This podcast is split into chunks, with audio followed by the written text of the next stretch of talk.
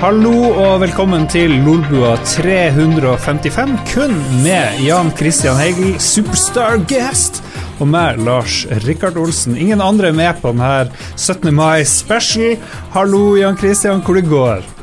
Hallaisen, du. Det, det, går bra. Jeg har uh, spist mye mat og uh, drukket en del øl, og uh, vi er i godt humør på 17. mai. Ah, nice. Jeg, jeg, sitter med flagg og en pils. Har du noe i glasset, som det heter på podkastspråket? Du har brus? Jeg, ja, vi, to, vi, tar det lett. Vi det, tar det lett nå. Mm. Runde av dagen, rett og slett. Ja, det er veldig bra. Du har litt sånn store nyheter å komme med, men det kan vi komme litt tilbake til etter hvert. Egentlig så skulle vi ha vært eh, flere her i studio. Jon Cato skulle vært med. Han er jo som kjent på soning, og vi har lurt lenge på hvor han ble av. Men vi fikk plutselig i dag noen bilder, noen mugshots, som viser at han i hvert fall eksisterer og, og puster og sånne ting. Jeg vet ikke, Har du noen teori? Vi har liksom spekulert i alle episodene hittil. Jan Christian. Hvor er Jon Cato? Hvilken verdensdel er han i? Hva er han bura inne for? Og så videre. Har du noen teorier der? Han har ja. vært i Monaco og liksom gjort noe tyveri, så han ble tatt. Ja. Føler jeg, jeg, føler, jeg, føler, det er noe som hadde passet uh, Jon Cato. Apropos Jon Cato, når vi starter å ta opp etterpå, Lars, skal vi snakke om hva som egentlig har skjedd med Jon Cato, eller skal vi fortsette da den der at den er i fengsel og sånn? Eller er det på tide å fortelle sannheten? uh, ja, du fikk ikke det med deg, Philip, for du, du var ikke her da vi starta. Men vi, vi, er allerede live, så du må holde Oi. fasaden. Du må holde ah, fasaden. Ah, okay. Jon Cato er i fengsel. Hei, alle sammen. Vi har med oss Philip. Philip Maurizio Taront Encitio Flagstad. Veldig, veldig stort selvbilde. Kanskje det største selvbildet i Norge noensinne. Jeg vet ikke hvor god du er på selvbilde, Jan Christian. Er, det, er du oppe der? Classic eh, norsk og tenker ikke så mye om meg sjøl, egentlig. Og ja. janteloven og alt det der, vet du. Ja. Eh, så vi holder oss. Eh, men eh, av og til så kommer uh, selvbildet ut, og da blir det Da er jeg nice. meg. Da er du det. Nei, man, man bygger seg jo et, eh, et fortjent selvbilde, alt jeg på å si. Jeg liker å si at jeg har ikke selvtillit, jeg har selvinnsikt. Ja. Veldig godt å ha deg med, Philip. Hva, hvordan går det på nasjonaldagen? Grunnlovsdagen, eller hva det nå heter. Veldig godt å være her og sitte litt utover kvelden på en lang 17. mai og spille en litt eh, Lolbua-episode. Har jeg hatt eh, en ålreit dag med både is og pølser og brus, så jeg skal ikke klage på noen måte. Og så må jeg ønske velkommen til chatten for første gang på kjempelenge, for vi er live på Twitch. Nå er det Norges bursdag, vi skal feire, og vi må ha med eh, seere og ikke bare lyttere denne gangen. Litt sånn uvant. Det må jeg si. Ja, unektelig. Det, eh, det, er jo et år siden nesten vi har gjort dette her. At vi har vært live mens vi tar opp ting, så vi får se hvor mye det, det påvirker oss. Heldigvis har jeg gitt hint til lytterne om ting jeg ikke bør glemme. For det har jo blitt noen øl i dag, så hvis ja, de hjelper, meg, hjelper, meg, hjelper til med å holde meg i tøylene i dag. Vi skal snakke om hva vi har gjort i det siste, folkens. Og vi kan spare godbiten til slutt, og det er Jan Christian. Og så begynner vi med The Low Point, som er meg. Jeg har ikke gjort noe kult siden sist. Jeg har spist s'mores, som jeg har hørt om i amerikanske filmer og sånne ting. Hva i all verden er s'mores? Det er altså sånn som jeg har blitt presentert det, smelta marshmallows med sjokolade og gjerne noe kjeks som du bruker for å skupe opp marshmallows og smelta sjokolade. Og Lordy lord, it's very good, yes. Var, jeg kjente kiloen bare rausa på her i dag. Jeg satt og drakk cava, spiste s'mores og litt sånne ting. Very nice. Very, very nice. Så det er kort gjort, min gjort slash tenkt siden sist.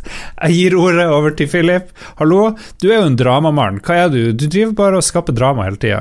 Og nå igjen. Er det ikke noe mer å fortelle om de smoresene, altså?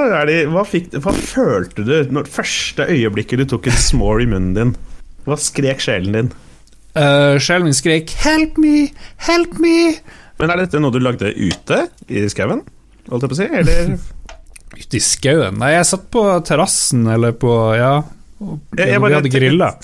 Se for meg marshmallows over et bål, og så lurer jeg ja, på man, man, smelter marshmallows og smelter sjokolade, mikser det i ett og dypper yes. Du, du legger et lag sjokolade underst, så legger du marshmallows over det, Og over det igjen så legger du noe kjeks av random sort, kanskje litt sånn safari, eller noe som er godt med å skupe, men samtidig som har litt crunch. Og så smelter alt på bunnen, og så blir marshmallowsen helt sånn myk, så du bare tar de kjeksen, forhåpentligvis før de er for soggy, for det, det ble et issue etter hvert, og så bare bruker du det for å bare skupe opp en miks av sjokolade og marshmallows, og så blir det finger licking good. Mm, okay. Jeg må ta av deg flagget. Det blir, de driver og dunker med headphonesene mine.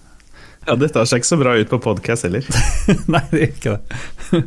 Så det har jeg gjort. Jeg kommer ikke på noe annet. Jeg har drukket cava, og da har liksom 90% av hjernecellene mine sånn foreløpig forsvunnet. De kommer sikkert tilbake ganske fort, håper jeg. Hvor mange pølser har du spist i dag? Ingen pølse. Jeg har spist blodpannekake og sånn T-bone steak-greier og flint... Blodpannekake? Det er lagd av reinsdyrblod som ble tatt med av kjæresten fra Kautokeino. Så det er en sånn bolle med blod og talg, tror jeg du har oppi òg, for at det ikke skal bli så tørt. Så jeg spiste det med jordbærsyltetøy til frokost. Så det var ok. Hvordan frakter man blod? Er det liksom en sånn ti liters dunk, eller? ja, hvis du har ti liter, så hvorfor ikke? Jeg ville ha det i en termos, bare for å holde det sånn deilig kroppstemperatur lengst mulig. Ja, nei, Det er godt vi får litt inntrykk, inntrykk i hvordan det okkulte samelivet er, holdt jeg på å si. Um, Helge. Her, her, nede på Østlandet, i storbyen, så har vi helt andre problemer. Og et av de, de opplevde jeg nå for et par dager siden, da jeg gikk til frisøren. Jeg har mitt faste sted hvor jeg går til. Jeg klipper håret relativt sjelden, men jeg liker å fikse skjegget og få gjort det hos en, hos en profesjonell fyr. Nå var det mm. så mye trafikk før 17. mai at da jeg kom til min faste kompis, så var det masse kø. Det orker ikke jeg eh, noe særlig av, så jeg stakk til en helt annen tilfeldig fyr. Satt meg ned, forklarte at jeg vil bare stusse. Jeg trenger å ta litt hår på sidene. Ja. Stusse et par centimeter på toppen. Og det er det. Det er ganske enkle instruksjoner. Det hadde, det hadde dere klart. Nei, det hadde ikke jeg klart. Jeg har prøvd en gang før, det gikk ikke så bra, altså. Okay. Men, men la, meg stoppe der og gå til en fremmed fyr rett før 17. mai. Det er jo det er et sjansespill. Det, altså, var det en fyr, ja. eller var det en annen sjappe, liksom? Altså, det er viktig her. Er det Nei, en annen, en annen butikk. En ja, okay. annen, et annet etablissement. Tilfeldig person på gaten. Bare 'hei, klipp meg'. Nei. her har du en barbermaskin. Nei. Eh, det var et annet establishment som påstod å kunne klippe hår. Men la meg spørre på denne måten. La oss si at noen har ti centimeter langt hår. Og så sier de kan du kutte av et par centimeter. Hvor mye kutter du av da? Fire. To. Ja, jeg ville også tenkt to, kanskje maks fire. Men da ville jeg jo sagt nøyaktig hvor mange centimeter, for du overlater jo det litt på skjønn, egentlig. Ja, fordi denne frisøren, han tok jo eh, Når jeg ba han om å ta to, så tok han noen sju cirka. Uh, Sju? Men du hadde jo ikke ti centimeter hår. Nei, det... nå, dette, er, dette, er, et eksempel. okay, Men la oss være konkret. Du hadde ja, jeg, jeg, jeg, ba han ta, jeg ba han ta én centimeter. Han endte opp med å ta to tredjedeler av lengden min. Uh, håret mitt er altså litt lenger enn det det vanligvis ser ut pga. mye krøller. Og men for all del, det er jo ikke det at jeg er misfornøyd med sånn jeg ser ut nå. Alle som sitter og ser på stream, og dere to her, kan jo bekrefte det at jeg fortsatt er relativt kjekk. Men det er bare irriterende Absolutt. Jo, takk. Det, det, er bare irriterende når jeg i utgangspunktet har planer om å beholde litt krøller, men eh, ja. ja. Skal jeg si det nå? Skal jeg si det nå? Mamma var på besøk i dag på 17. mai, og hun har drevet og spurt meg et par ganger hvem er han der Philip, fordi hun har begynt å høre på podkasten. Så jeg måtte hey. vise henne bildet av Filip Maurizio Taranten Sitio Fløgstad, og sa ja hmm. og hun ba meg spesifikt eh, si fra da hun hørte at vi skulle spille inn podkast i dag. Jeg måtte hilse deg og si at du har en veldig hyggelig stemme og virker som en veldig eh, ok fyr. Og eh, det inntrykket ble ikke liksom forverra da hun så bildet av deg. Så ah. Ja, og moderen er singel, bare for å si det sånn. Ja, det, det, er godt å vite. Jeg skal nevne det for Gelleré, sånn at hun vet at uh, hun ikke sitter for trygt i båten, at det er andre alternativer for meg der ute. Uh, det var jo veldig hyggelig å høre, da. Uh, du virker også som en veldig koselig kvinne ut ifra det Lars har delt på Snaps. så får vi adde hverandres kontoer isteden, tenker jeg, og ta det derfra. Hun er på Snap. Oh, yeah. Du er på Snap, ja, det er bra. At Philip Maurizio, bare legg meg til. men nei da, så jeg fikk klippa altfor mye av håret mitt. Hører du, mamma? ja. Dette ønsker jeg hjertelig velkommen. Uh, ser du på streamen, eller er du bare, Nei, jeg tror ikke hun vet hva Twitch er. Dessverre. Okay. Ikke enda. Ok, Jeg skal adde henne på Facebook og sende henne en link. Men i mellomtida så kan jeg si at jeg blei skikkelig grinete når jeg satt der i stolen. Han børsta vekk alt håret, og jeg realiserte at han hadde tatt liksom, to tredjedeler av hårlengden min, og jeg ville ha kanskje en fjerdedel maks. Um, en femtedel maks. Jeg satt og sutra litt, holdt jeg på å si. Han spurte hvordan er det, og jeg bare nei, greit. det det er som det er, på en måte. Um, det er ikke så mye å gjøre med det.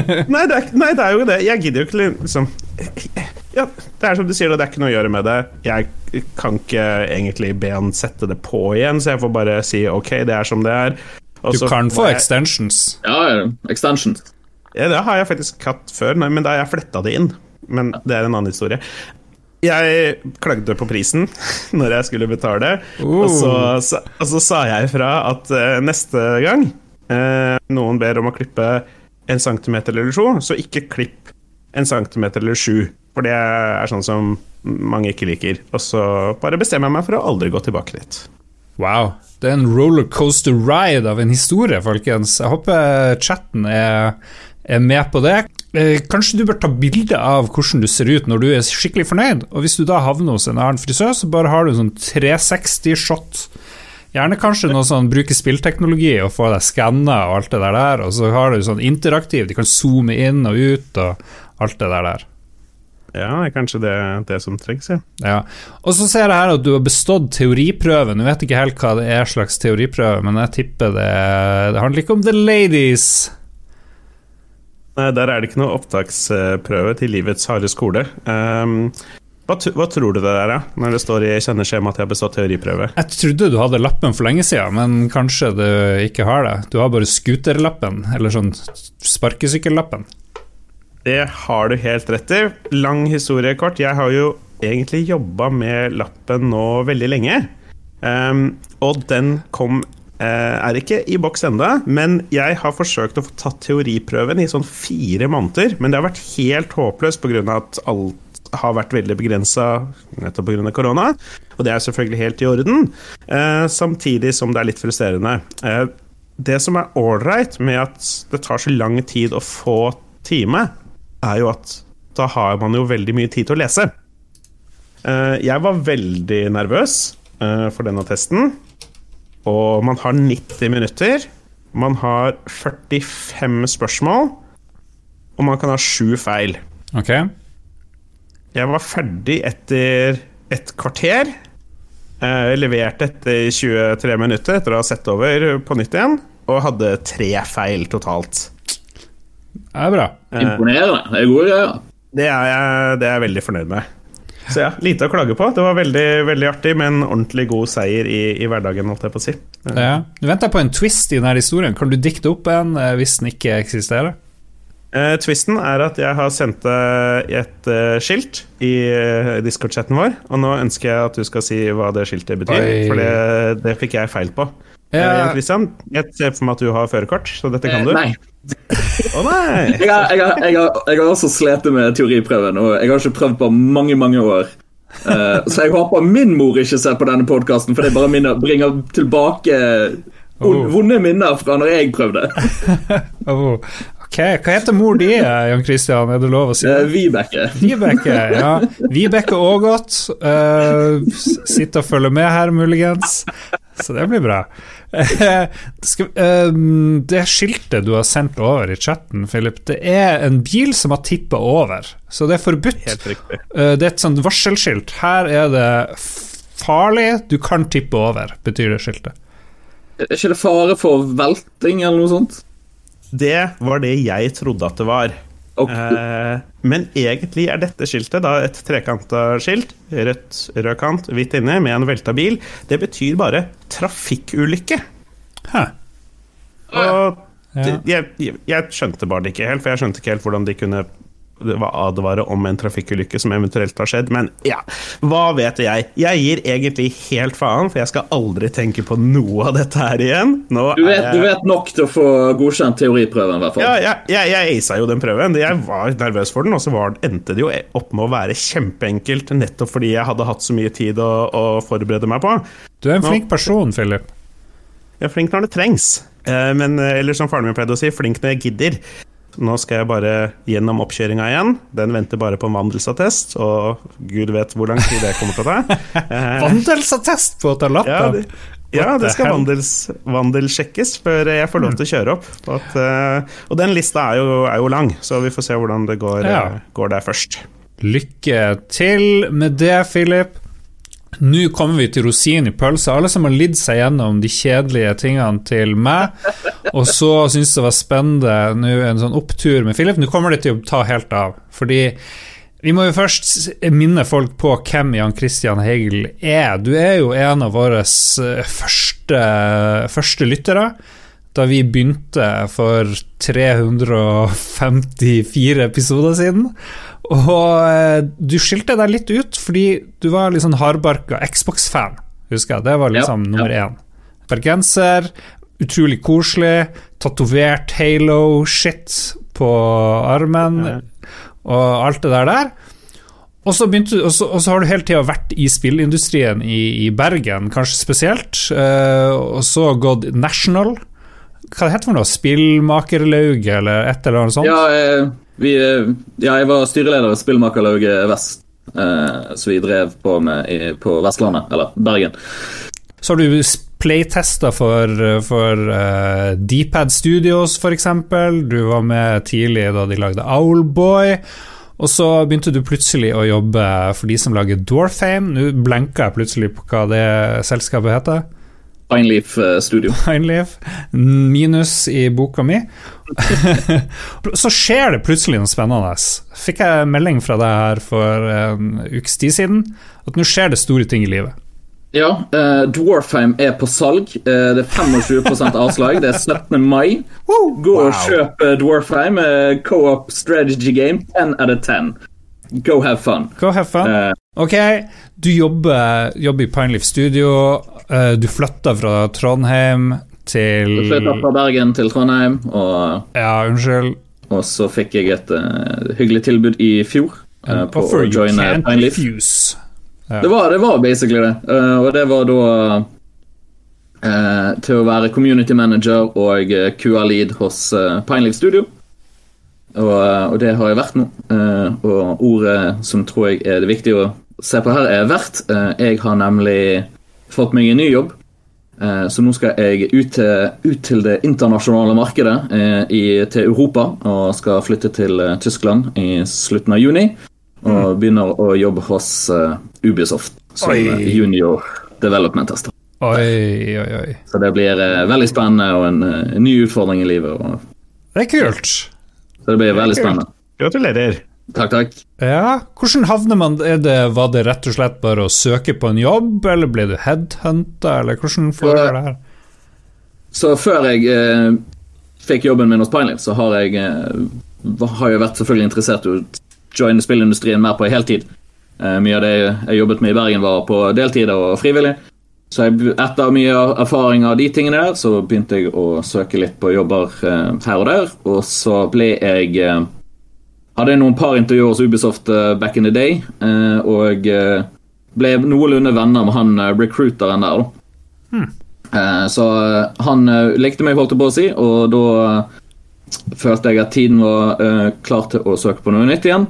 så tok jeg rett og slett og sendte inn en søknad, og siden det var til det studioet i, i Mainz i Tyskland, så kjente recruiteren meg igjen med en gang og fikk et intervju.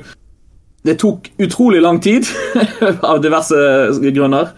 Men eh, jeg ble tilbudt en jobb til slutt, og den har jeg takket ja til. Og jeg er veldig klar til å se hvordan det blir, og hvor mye det kommer til å endre livet mitt på den måten. Det er jo litt crazy å flytte fra først for en bergenser å dra til Trondheim. Det tror jeg Da mister du en del sanity points med en gang.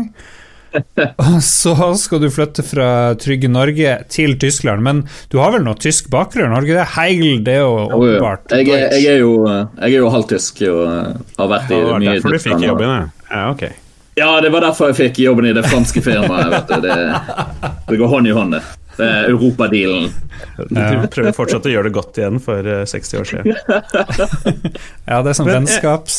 Ja. ja. men det er jo utrolig kult å jobbe i Ubisoft jeg vet ikke helt hvordan Nå er jo ikke jeg en del av Jeg driver jo bare og, og synser og rapporterer fra spillindustrien. Jeg er jo ikke noe på noen som helst måte på innsida, selv om jeg kjenner en del folk der. Så liksom, hvordan Nå kan jo ikke du si noe stygt, men hvordan, hvordan ligger Ubisoft an av ulike selskap og liksom å være attraktiv å jobbe for, sånn som inntrykket ditt var før du fikk jobb der? For nå må du jo selvsagt være 100% lojal, men liksom, hva tenkte du om selskapet før du jobba der? Så jeg, jeg, har jo hatt eh, Jeg har, har, har, venner som har jobbet der, og jeg har venner som jobber i Ubisoft i, ikke nødvendigvis der i Tyskland, men i andre, og jeg har alltid hørt mye bra om det. Og sånn som det. Uh, selvfølgelig var jo det leit med diverse metoo-ting som kom ut i fjor ja. uh, om Ubisoft og året før, holdt jeg på å si.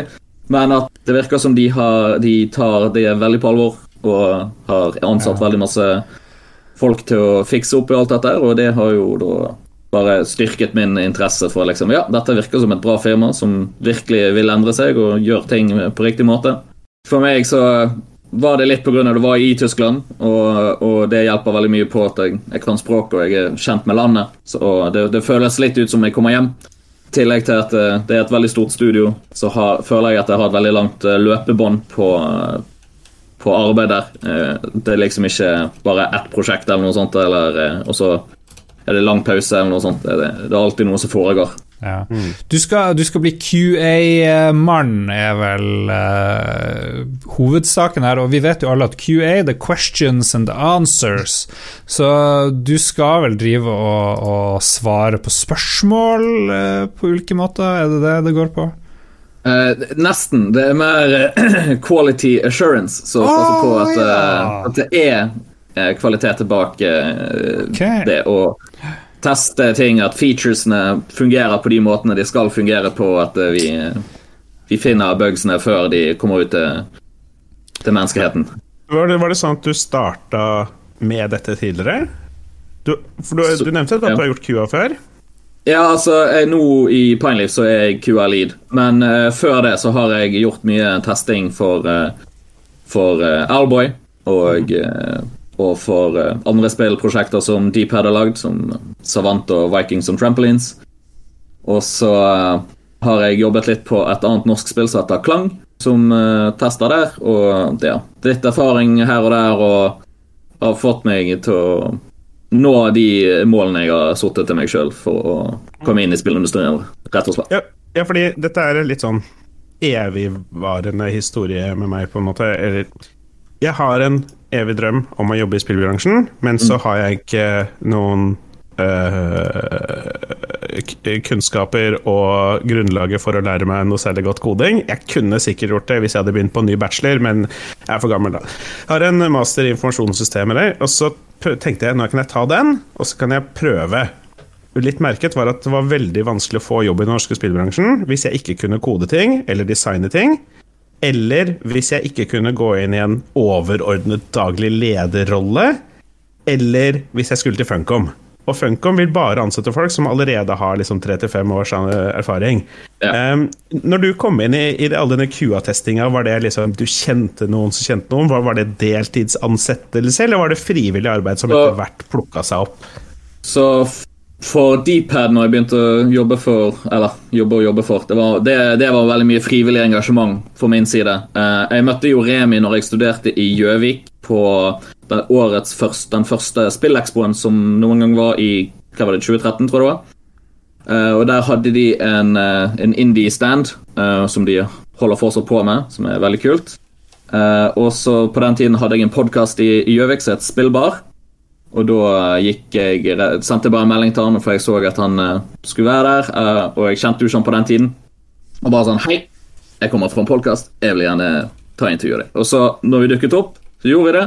Og vi kom veldig godt overens, og han var veldig glad for å høre en bergenser i, på Østlandet. Så han ble glad for det. og uh, vi holdt kontakten, og jeg var så frekk på den tiden at jeg sendte han en melding. Hei, vi skal ha en 24 timers livestream kan du bare gi meg Vikings og Trampolines uh, før det er kommet ut? Uh, jeg vil bare påpeke det fortsatt ikke kommet ut. Gjennom det og mye dialog her og der og slikt, så har vi uh, rett og slett blitt gode venner, og han har spurt meg etter hjelp, og jeg har alltid vært veldig takknemlig for det og gjort mitt beste for å hjelpe Deephead Studio til til å bli, og få Alboy til å bli så bra som det. Men da begynte det på et frivillig basis som har yes. utvikla seg etter hvert som du får kompetanse, på en måte. Ja, fordi det er et litt kult konsept, fordi jeg er jo ikke Jeg, jeg er på en måte jeg, jeg, er ikke interessert i å gå inn og jobbe gratis for noen i den ja. situasjonen jeg er i dag, midten av 30-åra, ferdig med master, har jobba noen år og sånne ting. Men det er jo selvfølgelig noe helt annet hvis man er i en annen livssituasjon. Og jeg tror det er litt kult å kanskje høre det for folk der ute, at det er mulig å komme seg hen ved å bare være kanskje litt utadvendt, prøve seg litt fram, og så ja, kanskje jobbe litt. Mm. Ja, bidra litt for frivillighetsbasis, og så ja, skjer det ting etter hvert. Ja. Hva er andre gode tips for å komme seg inn i spillbransjen for de som måtte mm. lure på det, sånn som du har sett, ikke nødvendigvis opplevd sjøl, men andre måter? Så sp Spillbransjen er veldig brei. Det er ikke bare koding, det er ikke bare tegning, det er ikke bare designing. Altså, det, er jo, det er jo mye business. Det er mye Altså, hvis du kan økonomi og sånn som det er, så alle trenger noen økonomiansvarlige. og, og i større firmaer i utlandet og sånn, så har jo du også en IT-person som passer på at PC-ene til de ansatte funker. Altså, spillindustrien er nesten som alle andre industrier. De, de har massevis av posisjoner overalt, så finn det eventuelt noe du tror du kunne jobbet for, eller likt å gjøre. Ja. Og så eventuelt uh, prøv å Søk om og om og om igjen. Altså, det, det, er perseverance jeg tror jeg var en av de tingene som har hjulpet meg mest. Eh, at jeg har alltid prøvd og alltid stått på Dette er det jeg har lyst til å gjøre. Nå prøver vi, vi satser, og så ser vi hva som skjer, og så tar vi det derifra. Altså Rett og slett perseverance og pågangsmot. Ja, for jeg tror nok det er den største forskjellen på meg og deg Uh, sånn utover hudfarge og liksom sånn ja, generell karisma, den type ting. Men uh, jeg, jeg, har ikke, jeg, har ikke, den iveren til å ofre alt for å ha muligheten til å jobbe med spill. På den måten som, som du nærmest har gjort. Du, du, skal jo flytte til utlandet, du har bytta by, uh, eh, jobba frivillig og liksom gitt bort tida di gratis for å bygge kompetanse og, og, og kjennskaper da, til å kunne gjøre dette her. Så ja, nei, det er det er noen, nok noe vi bør legge oss bak øret, vi som ikke har, eh, ikke har det helt. Jeg kan også nevne å gå på masse konferanser. Bli, snakk med spillutviklerne som om de er mennesker, ikke som om de har lagd Guds verk og du elsker dem pga. det. Liksom. Altså, det er fortsatt mennesker. Det er bare vær hyggelig. Vær, vær, snakk, snakk, med de som er personer. Lag et bånd, liksom. Ja, men du Fortell, er Gud, ikke, ikke fanboy helt. Ja, men du er Gud for oss, Jan Christian, så du er allerede der.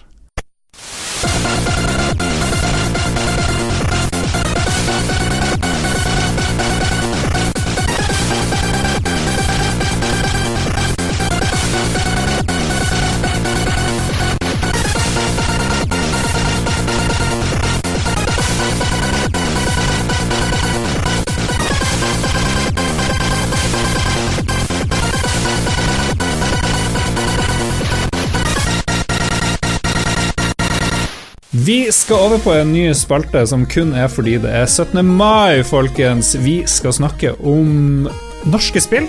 Det er jo nasjonaldagen når vi spiller inn det her. Når dere hører det, så har dere glemt at det var 17. mai allerede. Dere er på bussen, eller dere sitter på jobb og kjeder dere, eller et eller annet. Men da vi spilte det her, så var det 17. mai, og da tenkte jeg ok, hva er de norske spillene vi syns er kule, som vi husker bra? Hva er topp tre akkurat i dag, norske spill? Og det La meg fortelle, det er veldig vanskelig å finne en oversikt over norske spill. Overraskende for vanskelig. Så hvis noen som har sånn her uh, Wikipedia-gen i seg og gidder å, å lage en oversikt, ikke bare over norske spill gjennom tidene, uh, fordelt på ti år, fordelt på alfabetet Det finnes noen sånne alfabetiske lister et eller annet sted, men det er en ganske tynn liste. Men også de som har vunnet Spillprisen, f.eks., og Gullstikka. Det hadde vært gøy å se oversikt over. Philip peker på seg sjøl. Er det her din vei inn i spillbransjen? Skal du lage en sånn Wikipedia-ting? Ja, nei, jeg tenkte jeg vil bare ha navnet mitt på den lista over tidligere Gullstikka-vinnere. ja, årets Community, var det? 2008, Never Forget. Yeah, Spillegal.no. Jeg, jeg syns det er kanskje litt Sier det mer om oss, eller sier det mer om norske spill, det at samtlige av oss tre trengte å google en liste over norske spill for å klare å komme opp med sine tre favoritter? Det kan ha litt med oss å gjøre, men det har også med tida. Alle vi er vant til å ha en ekstra hjerne, som er Google. Vi kan google informasjon, vi trenger ikke huske den. Men jeg hadde to av tre spill klar, og så måtte jeg liksom google. Hva skal det tredje være? Ok, ja, da ble det det. Du sa de beste norske spillene først. Ja, okay, eller, liksom, eller, eller, betydde mest for Norge, var litt sånn det jeg leste ut ifra det. Og da var det å tenke liksom fucking Age of Conan, og liksom hvor stort det var for Funcom og norsk spillindustri på den måten, og liksom men så, men så, endret vi det litt til topp tre, da, og da ble det litt ja. sånn Ja, OK, men da, da blir det litt lettere Det kan være personlig. Disneys uh, Pocahontas uh, fra, er jo, på Megadrive er jo lagd av Funcom, så uh, det må jo være nummer én føler jeg, da. uh, nei da. Saksopplysning, timeout. Du har skrudd av lyden i Philip, du må skru han på igjen. Bye bye, Philip. Bye bye, hallo, Philip. Hallo? hallo? Kom du på hva du skulle si? Jeg må gå inn i sendeskjeva og se hva jeg har datt helt ut. Vi skal kåre Ok, vi hadde en teknisk problem. Lyden til Philip datt ut. Vi er tilbake. Vi skal kåre våre favoritt tre spill fra Norge. Jeg foreslår at uh, vi begynner med Vi kan begynne med gjesten. og Jan Christian, for dere har ett av det samme spillet, for dere er så uoriginale. Vi er ikke uoriginale. Vi kan begynne med Jan Christian. Uh, det, er, det liksom, er det nummer én, to og tre? Er det tre, to, én? Har du rangert? Nei, dette er, dette, dette er bare straight tre. Tre norske spill. ja, for nå er du så eh. dypt i norsk spillbransje at du kan ikke fornærme noen. Nei, nei, så jeg, jeg spiller det sykt safe uh, og sier Owlboy siden jeg har jobbet på det. Uh, ja, okay. Veldig safe der. Ja, Hvordan er det, det er lagd av Dpad Studio, tror jeg det heter? Kom ut i 2016. Uh, Hva vi skal kalle det? Sånn flygende Metroidvania, nesten, egentlig? Litt sånn 16-bit. Uh, du driver og, og, og kanskje sikkert den beste grafikken, vil noen påstå, i et norsk spill. For det er, Hva heter han som lager grafikken igjen? Eh, Simon. Simon som lager sånn pikselgrafikk som er helt ja. absurd eh, bra. Og det, vi snakker om sånne flygende, flygende øyer oppe i lufta, litt sånn japansk eh, inspirert. Veldig 16-bit. Du er allboy, så kan du plukke opp en annen karakter, og så kan, får du nye abilities og Veldig fin historie. Og det, ja. og det spillet kommer alltid til å se bra ut, med, med tanke på at det, mm. det, det, er og blir bra. Altså, det er ikke sånn som så gamle 3D-spill. På et eller annet tidspunkt så er det sånn Dette her ser ikke akkurat bra ut med. Ja. Det, Nei, det blir utdatert. Ja, dette er, er nok sin egen stil, ja. på en måte. Jeg må innrømme at det er på min liste òg, da. Alboy er på min liste. Altså, vi er 100% enige, enige der. Så Spill det. Vilt bra mm. musikk i tillegg. Jeg har ikke, jeg har ikke spilt det, fordi jeg er en sviker til det norske folk. Uh, mm. Men uh, jeg tenker liksom veldig uh, Skyward Sword. Jeg Selda Skyward Sword hver gang jeg ser på bilder fra dette spillet. Av en eller annen grunn. Jeg vet ikke mm. helt Er det helt miss, eller er man inne på noe der? Godt spørsmål. Litt miss? Ja, jeg vil ikke kalt det helt der. Ja. ja nei, lurer. Swing and miss. Ok, Du kan få ta et spill, uh, Philip, siden vi har tatt uh, ett hver. Har jeg et spill som ikke er på, på, deres lister. Det enkleste spillet er jo det mest åpenbare. Og det er tidenes objektivt sett nest beste spill etter Final Fantasy 7. Hmm. Det er jo Mosaikk av Krillbite Studio, med Jon Cato Lorentzen i sjefsstolen. Uh, naturligvis helt uten noen form for bias, men uh, uh, Mosaikk Kisse ass på sjefen her. Jeg må se hva det sto i den meldinga her. skal vi se. Mosaikk er en utrolig innovativ og nyskapende spillopplevelse som alle burde oppleve. Det var faktisk mine egne ord. Mosaikk har nok veldig mange av våre lyttere testa. Mosambik. Mosambik og mosaikk. Jeg har vært i Mosambik, men um, det, vi har jo snakka mye om det. Eh, men var en veldig, veldig kul spillopplevelse. Jeg spilte vel i én hel sitting på, på, eh, stream, så det er ikke veldig langt. Men det er akkurat langt nok til å, eh, til å bli litt fascinert over en, over en, verden, og ikke få deg til å tenke litt da, på dette lønnslivsslaveriet vi alle er en del av, osv. osv. Jeg, jeg tenker dere har spilt det begge to?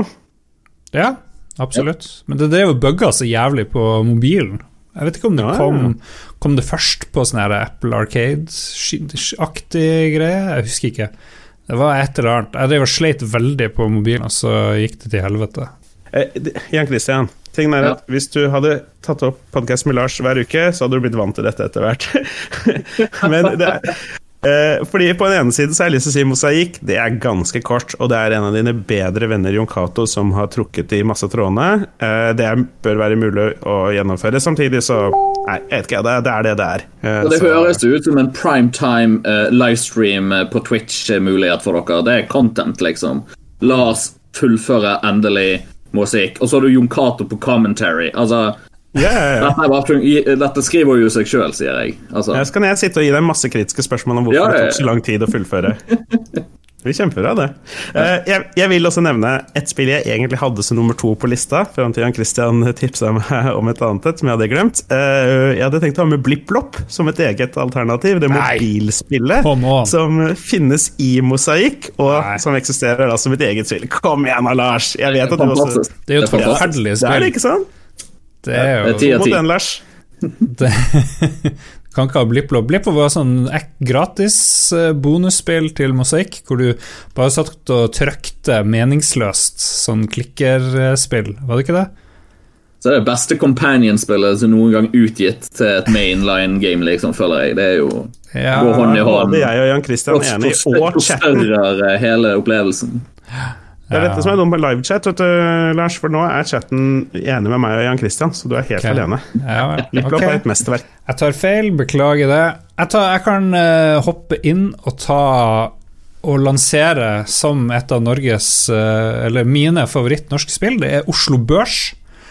Det er et spill fra 80-tallet til Commodore 64, så mange Alle som spilte Commodore 64, tror jeg hadde det i Norge. Og nå dater jeg jo meg sjøl, uh, så mye at jeg er på stevnemøte med meg sjøl. Men det var, det var, ganske enkelt. Du kjøpte jern, du kjøpte tinn, du kjøpte gull. Og så var det sånn random funksjon om prisen gikk opp og ned, og så skulle du selge det, og så videre. Jeg vil ikke si at det er det beste norske spillet.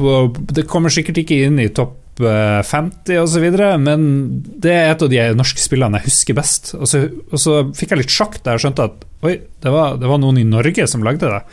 Så hvis du googler Oslo Børs og Commodore 64, og sånn, så får du en ganske interessant historie. Folk har prøvd å spore ned hvem det var som lagde det her, osv. Jan Christian, hva er ditt, eh, ditt, andre spill du vil nevne?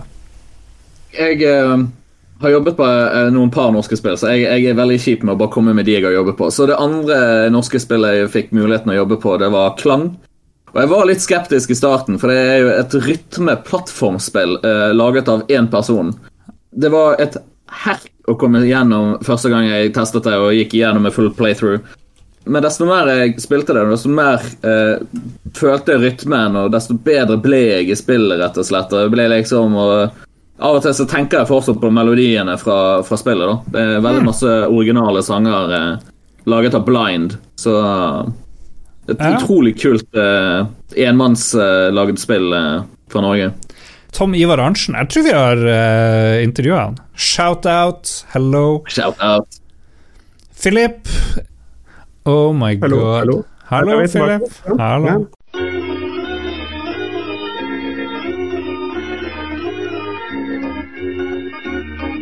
Hvor var vi nå da, Philip? Nå må du eh, ta ansvar her. Eh, det var min tur til å snakke om, eh, ja. om hvilket spill som var neste på lista. Det neste spillet jeg har lyst til å nevne på lista over spill, norske spill som har etterlatt et inntrykk, er et spill som jeg i god, kjent Lars-stil ikke har fullført. Det er snakk om Helheim Hassle. Et spill som definitivt, definitivt ikke er for alle, men det har en utrolig spesifikk humor. Tror kanskje beste måten å forklare det på. Uh, som, uh, det er dette Hamar-studioet Perfectly Paranormal som sto bak. De har også lagd et spill før dette her som har en veldig mye lignende type, type humor, som også visstnok er veldig morsomt. Det har jeg ikke testa. Jan Christian vet sikkert det. Uh, ja. Uh, Hellheim Hassel er jo en oppfølger til Manuel Samuel. Håper jeg kan si dette, hvis ikke så må også slå meg. Men det er jo en Tuesday trilogy så alle de spillene skjer på samme tirsdagen. Uh, så ja, det er vel det jeg Det er ganske artig. Og de som ikke har spilt det, så er det en sånn type Det er en, en plattformer-ish-spill, selv om det egentlig kanskje minner mer om, om uh, Monkey Island og Day of the Tentacle. Um, mye pga. fokuset på at det skal være veldig artig, det skal være morsomt. Det, har, det er åpenbart satt mye fokus på, på, humor. Det er jo denne vikingen som dør i ganske tidlig i spillet. Spoiler for spoilers, og så skal han videre til himmelriket, og så mister han lemmene sine, og det er gjerne Eh, er det eh, spillet Skal du gjennom en liten gang, så kan du rulle hodet gjennom. Og hvis det er for høyt å hoppe med kroppen, så kan du liksom bare hoppe over med bare ett bein eller to, osv., osv. Uh, ja, en del sånne artige løsninger som uh, hadde det vært artig å få uh, fått fullført en gang. Mest egentlig for å se og høre alle de artige vitsene som garantert finnes lenger ute i det spillet. Auke Smokes, for de som ikke har spilt Hellheim Hassel, gjør det. Jeg kan kjøre på med mitt tredje classic norske spill, og det er selvfølgelig for alle som har hørt Lolbua ganske mye. Det er jo X-Pilot. Det ble, ut, ble utvikla i Tromsø, tror jeg, på universitetet der. Det var et par studenter som lagde verdens beste Trust-klone. Det er jo sånne spill hvor du styrer et romskip, og så er det gravitasjon. Og så må du, må du, gasse for å motvirke gravitasjon, og så flyr du bortover. Og hvis du snur og drar andre veien, så må du liksom gasse ekstra på for å liksom stoppe eh, momentumet ditt, og så må du fyke videre. Og så, så utvikla det seg. NASA uh, spilte det en del, folk der. Og de ga ut en mod til spillet. Dette var på 90-tallet, og folk satt på Unix-maskiner og sånt. Det, NASA lagde en mod? Ja, og de lagde en mod hvor de fjerna gravitasjon. Du er bare in space, på et vis. Og det ble grunnlaget for den mest populære spillemåten. Og det var et brett som het Bloods Music, hvor det var, hvis jeg husker rett, fire mot fire. Litt som Rocket League, på et vis. Du har et mål, og du har en ball, og så skal du score med ballen. men i stedet for å score på motstanders lag, så må du finne ballen, dra den med en sånn tractor beam og fly mens all fysikken påvirker deg, og unngå at du blir skutt på, og så må du score i Eller hente ballen til egen base. Litt sånn, ok, kall det capture the flag, da. Beste norske produserte spillet ever, hvis du spør meg. All right, Jan Christian. Det gjør vi jo. Topp tre, hva er siste spill på din liste? Nå, jeg føler jeg har spoilet det litt, så med tanke på eh, hvor jeg har jobbet og hva jeg har gjort, så, så tar jeg jo en triumferende avslutning på å si at Dwarfheim er en av de ah. beste norske spillene jeg har lagd. Det, det eh, gjengen, i, gjengen i Pineleaf Studio har laget noe skikkelig kult. Eh, og eh, et fascinerende, spennende konsept med, med at det er et god gammeldags real time strategy game, men med coop-elementer der eh, hver spiller spiller en annen klasse. Så du har en warrior, en, en eh, miner og en eh, builder. Og de alle har forskjellige oppgaver og egentlig en veldig forskjellig spillestil, men alt hjelper liksom hverandre og, og slik. Og det er utrolig gøy å, å spille. Mm, det er lov med litt reklame for arbeidsgiveren ja, ja. sin, det føler jeg. Absolutt. Du har spilt det, Philip, har du ikke det? Jo. Jeg kan komme så langt, jeg spiller jo aldri på PC, så det er jo liksom der det ligger var vel jeg og Jon Cato spilte det på stream sammen med, med en av utviklerne. Med Linn? Uh, Nei, hvem dere spilte ja, Jo, ja. veldig hyggelig, veldig hyggelig dame, og veldig hyggelig session. Uh, det var et ganske artig spill. Jeg koste meg for så vidt med det. Jeg kjøper alt Jan Christian sier om hvor artig det er, men jeg har ikke spilt et eneste minutt utover det vi spilte på den streamen. Jeg tror kanskje det kommer av at jeg har veldig lyst til å spille det i treplayer. Det er, det er tre player co-op som det går i. og Eh, det virker kanskje jeg, jeg, skjønner ikke Jeg kan kanskje sette meg ned og lære de forskjellige klassene holdt jeg på å si, med eh, i singleplayer, men moroa må vel nesten utelukkende være når man er tre stykker. Ja, mesteparten av moroen kommer fra når du er tre stykker. Det er jo, ja. Det, er jo det spillet litt går ut ifra. Å liksom, spille med vennene dine og være sosial med tanke på hvor sosialt spill er i, mm. i dag. liksom, og Samle gjengen din og spille tre stykker. og ha det artig og mm. på den måten. Så desidert spill det med to andre gode venner, så har du en bunch of fun. La oss bare gå, gå all the way commercial her og si Skulle du komme på salg, da? Var det det? ja, det er på salg eh, akkurat nå, ut uken. 17. mai-salg, feire Norge. Uh -huh. Ja. eh. Vi heier på norske spill, vi heier på norsk spillindustri og ber deg sjekke ut Dwarfame uten tvil. Har vi et spill igjen vi skal anbefale, folkens? nå er det jo sånn at uh, jeg har jo blitt denne redaksjonens forsvarer av de store firmaene og ja. de store den, industrien og de mm. som faktisk uh, skaper all den verdien vi nyter så godt av. Nei, jeg bare tuller. Men uh, litt ordentlig også. Um, og så Det siste spillet jeg vil trekke frem, er jo da et Funcom-spill. Og det er et spill fra 2006 som jeg håper mange av oss har et forhold til. Drømmefall. Den lengste reisen. Drømmefall var et skikkelig spennende spill da det kom. Eh, det er selvfølgelig lenge siden jeg har spilt det nå, så jeg vet ikke helt hvor godt det å gå rundt i den tredje verdenen har holdt seg, riktignok. Men eh, historien, den verdensbygginga, var veldig artig. Og selv om jeg ikke hadde spilt den lengste reisen, eh, den, det første spillet, så ja, så talte ikke det så mye imot meg. Jeg hadde fortsatt en veldig kul opplevelse med, med kun drømmefall eh, aleine. Jeg vet ikke om noen av dere har spilt det siden 2006? Eh, jeg lurer på om det kom på nytt på noe vis, jeg husker ikke helt. Jeg spilte det i hvert fall etter at det kom, kanskje det kom til noen sånn konsoll eller et eller annet, men jeg husker ja, Det kom et tredje drømmefall, Dreamfall Chapters, kom ja, i 2014, men det har jeg heller ikke nei, spilt. Nei, det var ikke det jeg tenkte på, det har jeg spilt, okay. det er kult. Men jeg ville bare trekke frem de norske stemmene. Janne Formoe, Nils Vogt uh, var med. Mye classic uh, norske stemmeskuespillere som uh, Stemmer det. Ja, det er uh, Mari Maurstad, Nicolai Kleve Broch. det er mye morsomt. Dagfinn Lyngbø. What? I know. Hun Ingeborg Sundrehagen Raustøl, kjent fra Hotell Cæsar, hadde stemmen til Zoe Castillo i, i, Drømmefall. Og hun har jo vært veldig lettkledd på forsida av FHM eller noe sånt nå, så det er en kul reise. Hmm.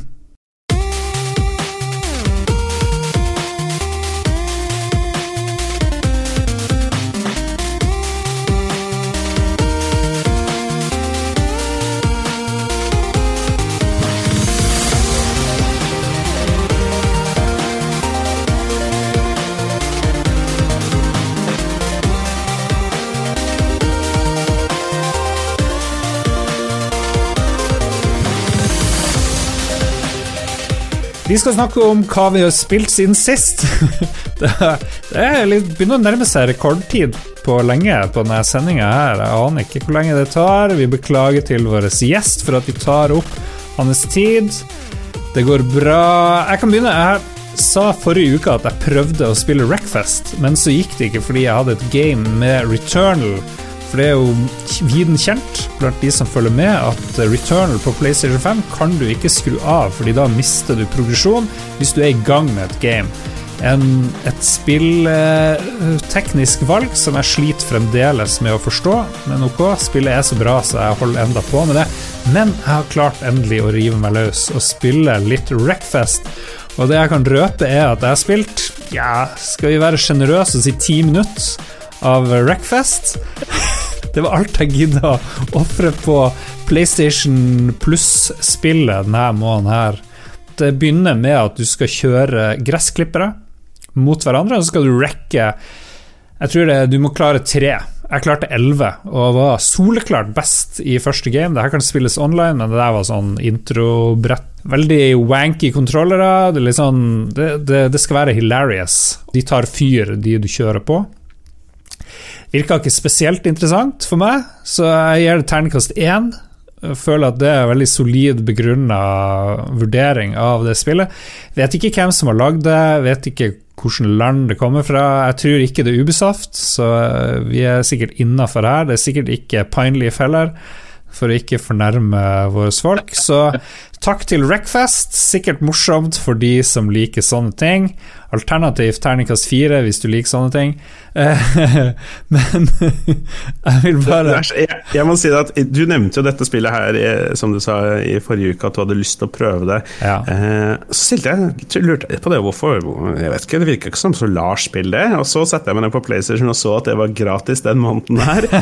og så tenkte jeg ah, ok, ja, okay. Jeg har jo ikke lyst til å belemre våre patrions med for store utgifter. Spilte du Destruction Derby på PlayStation? Ja, gjorde det. Psygnosis, det litt... var det? Eller hvem da som lagde det? Ja. ja er, det, er, det, litt sånn? Eh, ja. Litt sånn... ja, det er veldig sånn. Bortsett fra mindre fysisk damage. Det, det, det detter ikke deler av gressklipperne, så jeg er veldig skuffa over det. Lite sånn Det er psykisk damage. Nettopp. Psykisk damage. Jeg følte meg skikkelig ødelagt etterpå. Så jeg bare dreit i det og hoppa rett tilbake i Returnal, hvor jeg driver fortsatt og sliter på brett fire. Jeg hører rykter om at min venn Dag Thomas i Ragequit har fullført det og driver og raver om hvor bra det er, men jeg, plutselig har jeg møtt en vegg i Returnal, som jo er et spill hvor Ok, nå kommer en minispoiler, ikke noe stor spoiler, bare sånn teknisk. Brett 1 til 3, hvis du dør der, så begynner du på brett 1. Hvis du kommer til brett 4, så begynner du på brett 4. Og det er jævlig bittert. Fiendene er ganske harde, og så er powerupsene ofte sånn corrupted, sånn at du får minuser for nesten alt du plukker opp. Det blir ganske bittert, men jeg hører at bossen er ikke så sur. Men jeg liksom ikke, jeg har ikke kommet frem til bossen engang. Mm. Ah, Jesus lord. Men jeg elsker Returnal. Beste spillet jeg har spilt på flere år. Rogelike, Metroidvania, tredjeperson, whatever. Jeg skal ikke plage folk for mye med det. Vi går rett over på Philip. Kan jeg, Ja. kan jeg spørre først, Jan Christian, har du, har du noe PlayStation 5, eller? Jeg, jeg har ikke en PlayStation 5, men jeg har en Series X.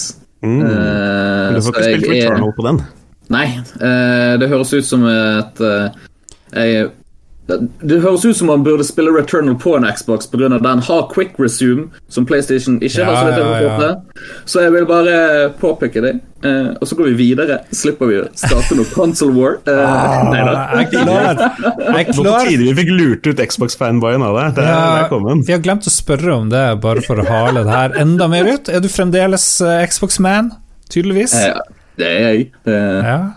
Console of choice. eh, men jeg, jeg har jo Jeg har jo lyst til å spille Returnal. Det virker veldig kult å kjenne hun ene som eh, skrev eh, var med å skrive storyen, så veldig interessert i å se hvordan spillet ender opp med å bli. Kanskje vi må få satt Dag Thomas i kontakt eh, med henne. Dag Thomas i, i Ragequit, vår uh, søster, broder, svigermor-podkast, er jo eh, utrolig glad i Returnal og veldig glad i historien i dette spillet. og har jo prøver, prøver litt å, å, å erte opp til noe stemning mot Level Up etter at Nick i Level Up anmeldte og ga det dårlig karakter pga. historien. Nettopp fordi Dag Thomas syns den historien er så bra, men Nick ikke har forstått den. Og så har det gått litt tett for seg i kommentarfeltene og sånn. Men så det, kanskje vi må få, få satt henne i kontakt med oss, ja, så vi får en dommer. Hun er finsk, da hun snakker engelsk, selvfølgelig. Jeg må bare påpeke det at uh, da blir det en engelsk podkast plutselig. Jeg vet ikke hva, hvordan det blir, blir for dere. Lytterne bare Nei, de snakker Nei. Jeg er dritgod i engelsk. I am a big boy. I, uh, I speak English very well, because I learned it from a book. Ja, nettopp. Der har vi bevisene. Du får være med som tolk, Jan Christian. Det blir bra. Ja, jeg klarte ikke å gi helt slipp på det her med Xbox-greieren. Hvordan var livet som Xbox One-eier, f.eks.? Veldig greit. Altså, jeg klagde ikke. Jeg hadde jo en eh, PS4 òg, faktisk. Så eh, jeg, jeg har jo alle konsollene. Jeg bare foretrekker eh, Microsoft over Sony mm. okay. på visse punkter. Eh, det er vel lettest å si. Men eh, Ja. når Xbox One X kom, så ble livet litt bedre, selvfølgelig. Eh, ingen tvil. Ja. Eh, Ja, ja. Nei, men jeg skjønner det. Ok, Vi skulle over på eh, Philip. Vi sparer eh, Jan Christian til slutt her i hva vi har spilt siden sist. Du har drevet og streama Mass Effect 1. Jeg har sett litt på det. det ser, jeg syns det ser skikkelig ræv ut. Ja Ja um. Ikke sånn, ikke, Kanskje ikke spillteknisk, men kanskje det òg. Jeg vet ikke. Men sånn utseendemessig så ser det helt forferdelig ut. Mass Effect 1 er jo et gammelt spill. Lang historiekort. Mass Effect Legendary Edition har jo nå endelig blitt utgitt. Mass Effect 1, 2 og 3 i en stor pakke. eh, Remastered og full pakke, sånn at de nå er, skal være nye og fine og oppdaterte. Og jeg er veldig glad i Mass Effect-serien. Koste meg masse med den mens den eh, pågikk. Jeg er generelt sett glad i sci-fi. Eh, Peter F. Hamilton, min og Lars sine, sin favorittforfatter.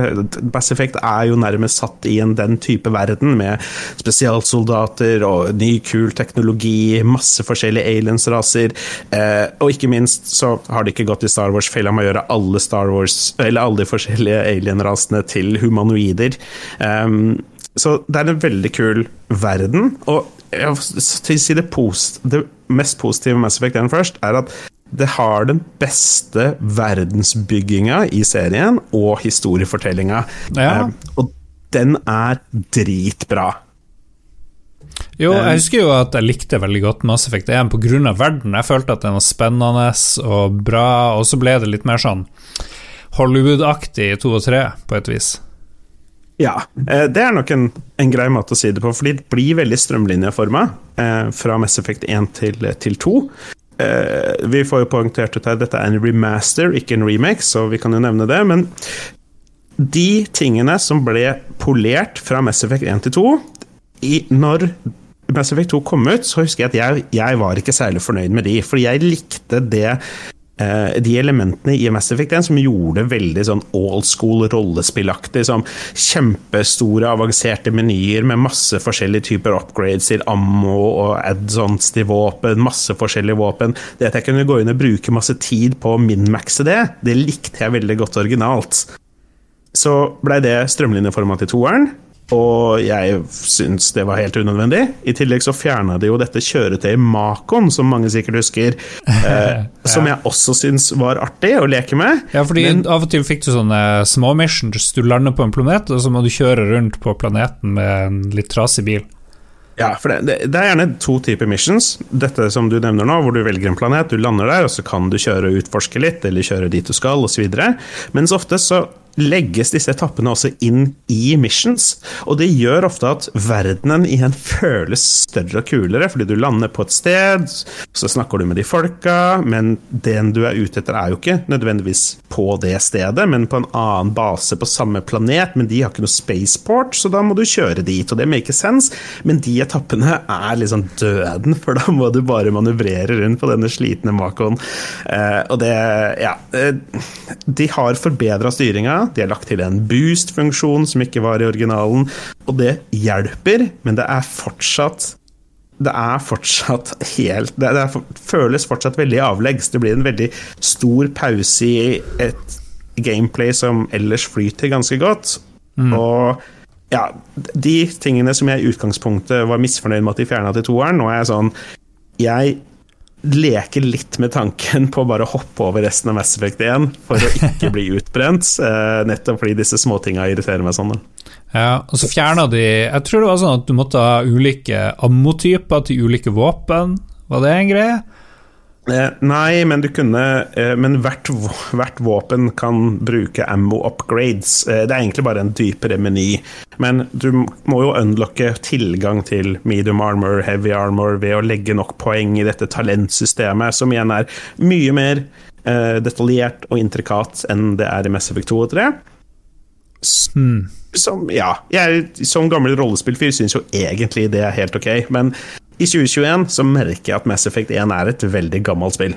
Ja, og så husker jeg at hvis du skulle bruke sniperrifle Sniperrifle? Ja vel. Hvis du skulle bruke det, så måtte du ha masse poeng i det, ellers så var det helt umulig å treffe noe, egentlig. For det var ikke sånn der du sikta, der traff du. Det var sånn terningkast i bakgrunnen, eller et eller annet sånt. Ja, og alt det er bygd rundt disse poengene. Um, jeg, min figur, har basert på nærkamp og bionics, som en type krefter hvor du manipulerer kraftfelt, bla, bla, bla. Jeg angrer for så vidt veldig at jeg ikke bare valgte soldier bare skyter ned alt. Men jeg kan helt fint bruke en sniper rifle, men, har, men figuren min har ingen poeng i det, så det er jo, helt, det er jo relativt all over the place. Um, så ja, det er litt sært, det er litt for mye. Og spesielt nå som jeg merker at hvis jeg skal spille dette her, så må jeg nesten bare komme meg gjennom.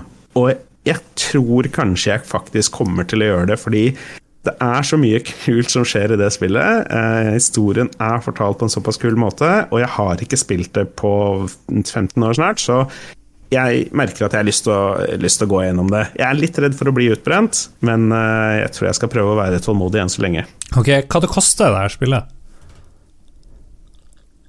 Hvis du er med i en podkast, så koster det ikke Nei, det lå vel ute til 599 bare på Steam. Eh, bare? Sa jeg det? Sa jeg ja, nettopp bare? Du sa det. Du sa Har jeg det. hatt PlayStation 5 så lenge at jeg sa bare til et spill til 599? Tydeligvis. Ja. Ok. Gamepass. Gamepass. Game Pass. oh. Jeg vet ikke til, eh, eh, Sånn apropos Neida. Det fins ikke på GamePass, faktisk, på noen maskiner. Ja. Men kan du ta opp det, Hører du på spillrevyen igjen, Christian? Uh, av og til. Av og til. Ja, for det er ikke så veldig lenge siden at vår gode venn Jon Cato Lorentzen hadde en utblåsning om hvordan PlayStation 5-spill var som å gå på Miami og spise, spise luksusmiddag, mens å være på GamePass er som å stikke på Mækkern. Jeg liker McDonald's, jeg. Ja. Bli mett. Bli mett. Ja, jeg er ikke superuenig. Ok, vi går videre til uh, vår uh, hovedgjest og eneste gjest. Apropos uh, dårlig norsk. Jan Christian, hva du har spilt i det siste? Uh, jeg fullførte nettopp uh, Yakuza Zero, uh, takket være GamePass. siden det ligger der. Jesus lord. Jeg har alltid hørt så mye bra om disse Yakuza-spillene, og, og, sånne der, så jeg bare liksom Ok, la meg, la meg prøve dette her. Uh, Yakuza Zero. Og det er jo japansk rollespill GTA-ish mafiaspill. Jeg vet ikke helt hva sjangeren folk sier Yakuza er. Men... Nei, det tok, en, det tok, jo en, stor forandring i Yakuza Like a Dragon. Da er det plutselig ja, en annen Ja, da ble det turn-based, så vet jeg har forstått det. Men uh, jeg kjenner ikke til disse karakterene. Men dette var jo spillet en prequel som ble lagd seinere etter det første spillet, og uh, følger uh, to, to, av hovedkarakterene, Kiryu og Å, oh, gud. Majima, tror jeg jeg heter. Det var jævla treigt i starten. Jeg hadde slet litt med å skjønne hvorfor folk likte det. Men desto mer jeg spilte, desto mer kom jeg inn i verden. og ja, for det er litt sånn visual novel-aktige sekvenser. Plutselig er det bare et stillbilde med masse tekst, tekst, er det ikke det? Uh, nei, nei, jeg tror ikke de uh, Det er kanskje noen av de senere spillene. Uh, okay. I hvert fall alle, alle cutscenes og alt sånt er animert, og du har og, og, og, følger det. men fightingen varierer og hvor god og dårlig er det Av og til så er det sånn at Ok, dette er altfor mange fiender, og de har våpen. Hva faen? jeg har bare knyttnever. Dette går ikke opp i opp. Og så sliter du med det. Men jeg, jeg, likte det til slutt. Det avsluttet veldig kult. Og ah, ja. eh, samme kvelden så tok jeg rett og slett og startet på neste. Så jeg er så vidt begynt på Yakuza Kawami, eller hva det heter, og er veldig interessert i å se hvordan det går. Ja, men, men, jeg lurer på om jeg har en pellet cleanser imellom før jeg fortsetter der. Ok, Men hva er det som gjør at du fortsetter, og hva er det som er det som gjør at du syns det er bra? det, det er veldig interessant å se hvordan eh, Yakuzaen fungerer i, i spillmediet, på en måte, i forhold til altså, Jeg kan ikke mye om Yakuzaen fra Japan, altså den japanske mafiaen. Så det er veldig interessant å se hvordan ting er der. og på, på, den måten, altså selvfølgelig Noe det er jo alltid jo spekulasjoner, og ingenting er jo basert på virkeligheten, så vidt jeg vet.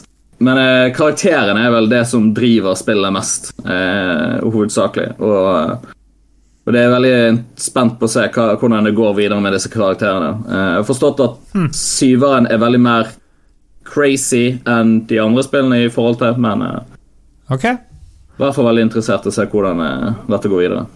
Du hadde spilt Yakuza 0 nå? Ja. Og da er det neste du skal spille, er Og det heter bare Yakuza Kawami. Ja, riktig, for det er en remake av det første spillet i serien. Mm. Jeg sitter på Wikipedia. og, men eh, etter det skal du da begynne på Yakuza 2 fra 2000 hva det nå enn er. Ja, de har også remade uh, toeren, så det er Yakuza ah. Kowami 2. Ja, ok. Ja, men da, Det er ålreit. Da holder det en stund. Ja. All right. Ja, det eneste jeg syns var at Yakuza Zero var utrolig langt. Jeg tror jeg endte opp på nesten 40 timer. Og jeg spilte på easy, for jeg har ikke tid til å liksom bruke tid på spill på den måten der. Ja. Uh, men jeg har sjekket uh, på How Long To Beat at uh, Yakuza Koami er bare 17-ish. Så det var nok på grunn av det var to stories fra hver sin karakter i Zero.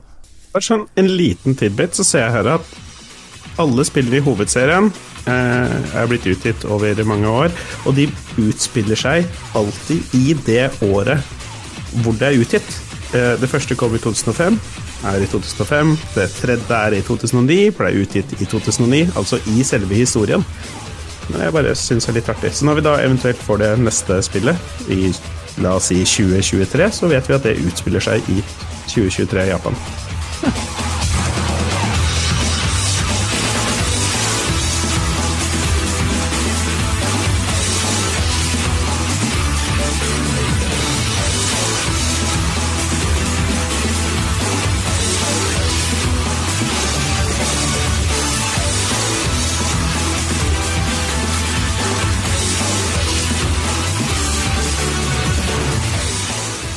Vi skal anbefale ting, og jeg bare slenger meg kjapt på en support til Philip, som kom med en sterk anbefaling, vil jeg si, til TV-serien trash-eposet Are You The One, som finnes på Netflix. Der er to sesonger, og jeg er dypt, dypt inn i det. Hvor ti kvinner og ti menn kastes inn i et hus i Hawaii hvor en eller annen teit algoritme og personlighetstester har plassert alle ti sammen med sin perfect match. Og så er det opp til de her 10-22-åringene, som det virker å være, ofte med under middels intelligens, å finne ut hvem er deres match. Og for å vinne 1 million dollar, altså 50 000 hver, så må de alle finne sin perfect match. Og det går forferdelig galt. Jeg, kan ikke, jeg, har liksom, jeg har sett seks-syv episoder, og jeg kan ikke tro at det her noen gang kommer til å gå bra i det hele tatt. De driver Dette ligger på Netflix? Ja, det er på Netflix, og det er magisk. Det er mat og trashe. Ja, bare sånn, kjapp innføring, Christian. Både jeg og Lars vi er menn nok til å innrømme at vi liker ordentlig trash-TV, mens i andre redaksjonen det er sånn Nei, vi liker bare uh, svart-hvitt-film og sånn. Ja, jeg, jeg, så det der Blind is love, og så så jeg The Circle, liksom. Uh, don't get me started. Uh, jeg er med. Jeg er med. One of us. One of us. Ja. Ja, så, så, jeg har snakka om dette spillet før, nei, denne serien før. Jeg syns det er bare veldig hyggelig at Lars tar det opp, både fordi det betyr at han likte det, og fordi da Jeg tror han forklarte konseptet mye bedre enn det jeg klarte å forklare forrige uke, for da var jeg fortsatt så blåst av stolen og hvor imponerende trash det var. ja, jeg liker jo jeg liker, ja vel. Jeg liker The Circle, men det her tar helt Det her er jo Det, er ikke i nærheten. Det her er én million ganger bedre. Så, okay. så antallet konfrontasjoner Og du ser Det er liksom De bare fòrer alle med alkohol. Alle er bare blåst hele tida. De har sånt slørete blikk, stort sett. Og driver og kaster ting, de knuser ting.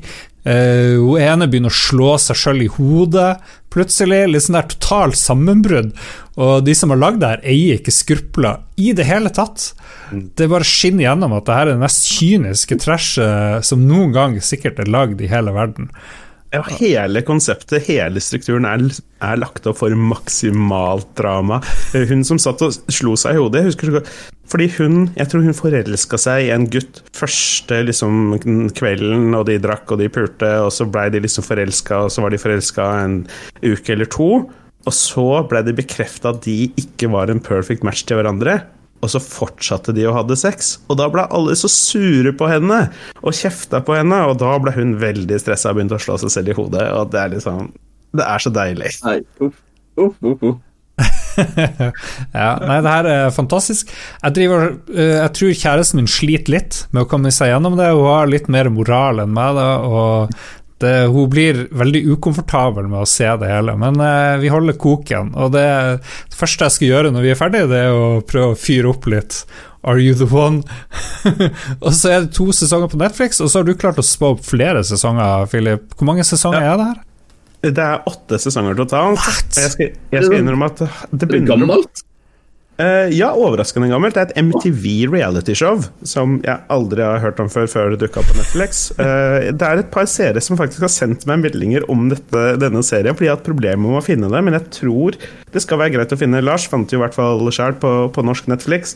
Det er mulig å få tak i de neste sesongene, men det har vist seg å være ganske kronglete. Jeg har brukt noen VPN-er både liksom hit og dit, men jeg, nå har jeg sett sesong seks, tror jeg, og nå tror jeg kanskje at jeg skal gi meg, fordi nå er det såpass kronglete å se de neste sesongene, i tillegg til at liksom Ja, nå har jeg sett seks sesonger, så ja.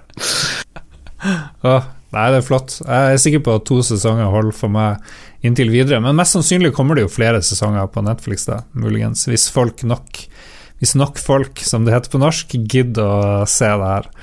Alle i hele Lolbua begynner å se på da. Ja. Snakk, snakk, med venner og familie. Få de ja. til å sette seg ned med en episode av Are You The One? Rekrutter. Vi går videre til Philip. Jeg ser at du har sett noe, men med et spørsmålstegn bak. Ja, og dette er jo egentlig i akkurat samme gate som vi er i nå, reality-TV. Eh, det er dette programmet Terrace House. Ja, som... det er jo min favoritt-TV-serie, må jeg bare si fort.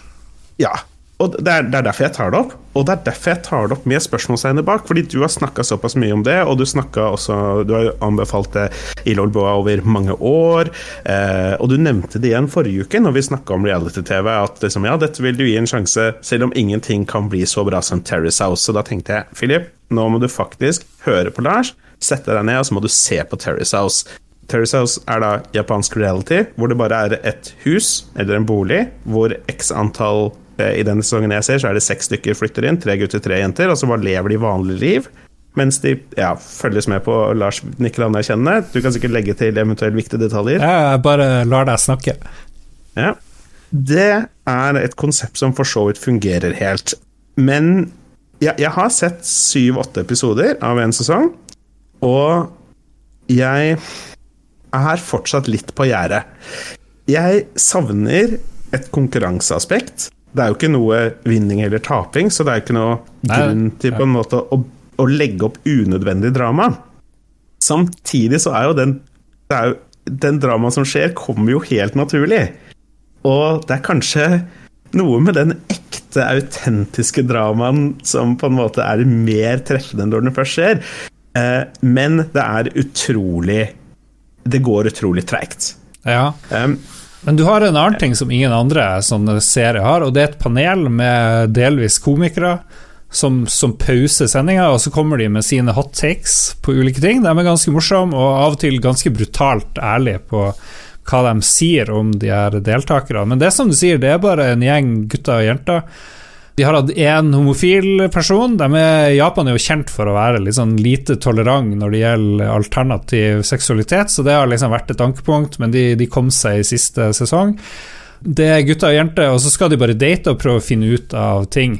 Men det som er, er at jeg, føler, jeg har bodd i Japan og kjenner meg igjen i hvordan det er der. fordi hvis du kysser på gata i Japan, så er det big deal. Det er liksom ikke noe du gjør. Egentlig, du holder nesten ikke hender i det hele tatt. og det er det gjør de. Det er liksom akkurat sånn det er. Og alle folkene er slank, de spiser sunt, de drikker veldig lite. Uh, og all, all uh, konflikten skjer på et sånn understated nivå som er sånn Du må liksom bare følge nøye med. Hva er det som skjer her, egentlig? For det, det, det, det, er det motsatte av Are You The One. Det er liksom tatt helt ned på et sånn subtilt nivå. Men så elsker jo jeg Japan, og, og syns at det er det kuleste landet i verden, egentlig og elsker kulturen. Det lille jeg har oppfatta av å ha studert språk i et år, gikk veldig dårlig, og, og bodde her et semester. Det er liksom du sier, Hvis det er en liten konflikt, så er det plutselig en gigantisk konflikt. På et vis. Så, så for meg så er det kjempesøtt, uskyldig og veldig interessant og veldig rart og spennende. Bare, bare for å ta én ting som jeg er helt, helt enig i, er den komiteen, kan man kalle det. De som sitter og kommenterer episoden underveis. Det greiene der er kjempeartig. Artig konsept, og de er morsomme. Og som du sier, de er til tider brutale mot disse deltakerne. Bare hva er det han holder på med? Hvorfor er han sånn? Og så videre og så videre. Det sparer ikke på noe særlig. Men eh, du nevner dette med dating. og det, der kommer liksom det teite inn. Fordi det var tre gutter og tre jenter som flytta inn i et hus. Og så er det kanskje ingen av dem som har noe spesielt sånn til felles eller til overs for hverandre, utover liksom at de er, liksom, kan være bekjente. De må liksom date hverandre, for det er liksom en del av konseptet. Det forventes på en måte litt, men det er ikke noe grunn til at de skal gjøre det, sånn utover at det er en del av konseptet. Og det skjer jo, da. Og i denne sesongen jeg har sett, så er det en gutt på 19 år. Helt ubrukelig fyr, sånn kokkelærling. Bruker pappa sitt kredittkort og sånne ting. Han er ikke helt forferdelig, men han gjør da, da må han date den jenta. Og det bestemmer seg jo for å gjøre i episode én eller to. Og i episode sju så går de endelig på denne daten. For det tar de på alltid. Det går så sakte. Samtidig så er payoffen når de endelig går på date, den er dritbra. Fordi Grunnen til at det har tatt så lang tid, er fordi hun har jo egentlig ikke så lyst til å gå på date med han fyren her. Så når de først går på date, så er det dritklein, for hun vil bare hjem så fort som mulig. Og resten av episoden er helt forferdelig flau, for det er så dårlig stemning. Og den payoffen var for så vidt veldig bra. Men jeg er litt sånn skeptisk til at nå er jeg sju sju episoder inn, og så Det er egentlig det som har skjedd. Han ene har flytta noen greier i garasjen, og så har de to endelig gått på date, på en måte. Ja. Nei, det er ikke for alle. Det er litt sånn Det er for de som syns det er artig å se på kulturen og sånt, og så er det ikke noe på, et, på et, vis så, si, så, føles det ikke kunstig i det hele tatt, men eh, det har jo blitt kansellert hele serien, da. Det Foreløpig så er alt på pause fordi eh, det har kommet en del kritikk etter at ja. en av deltakerne tok livet sitt fordi hun ble litt uh, hardt tatt av de her kommentatorene. Samtidig så det, fikk hun en sånn storm på sosiale medier, og så tok hun livet sitt. Og det var, var, vel, eh, var det ikke hun som var sånn eh, Japanese eh, wrestler? Ja, stemmer det. Ja. Er det sesong én, liksom? Eller er det Nei, to, eller ja. random? Det, det er helt umulig å forstå, for alle heter Terrace House kolon Boys and liksom. Girls in the City, Boys ja, and Girls ja. Aloha State uh, osv. Nei, jeg tror, okay. var, jeg tror, det er mange sesonger før det kom til Netflix, og så er det kun et par sesonger nå på Netflix, for jeg tror de har sletta den siste. Den med wrestleren fins ikke mm. lenger, så, men du kan sikkert finne det. Jeg føler at Så lenge noen har kansla en sesong pga. selvmord, så er det lov å uh, finne det på Torrents eller whatever. Men den, er, den, var, den var veldig bra den før de måtte bare shut it down.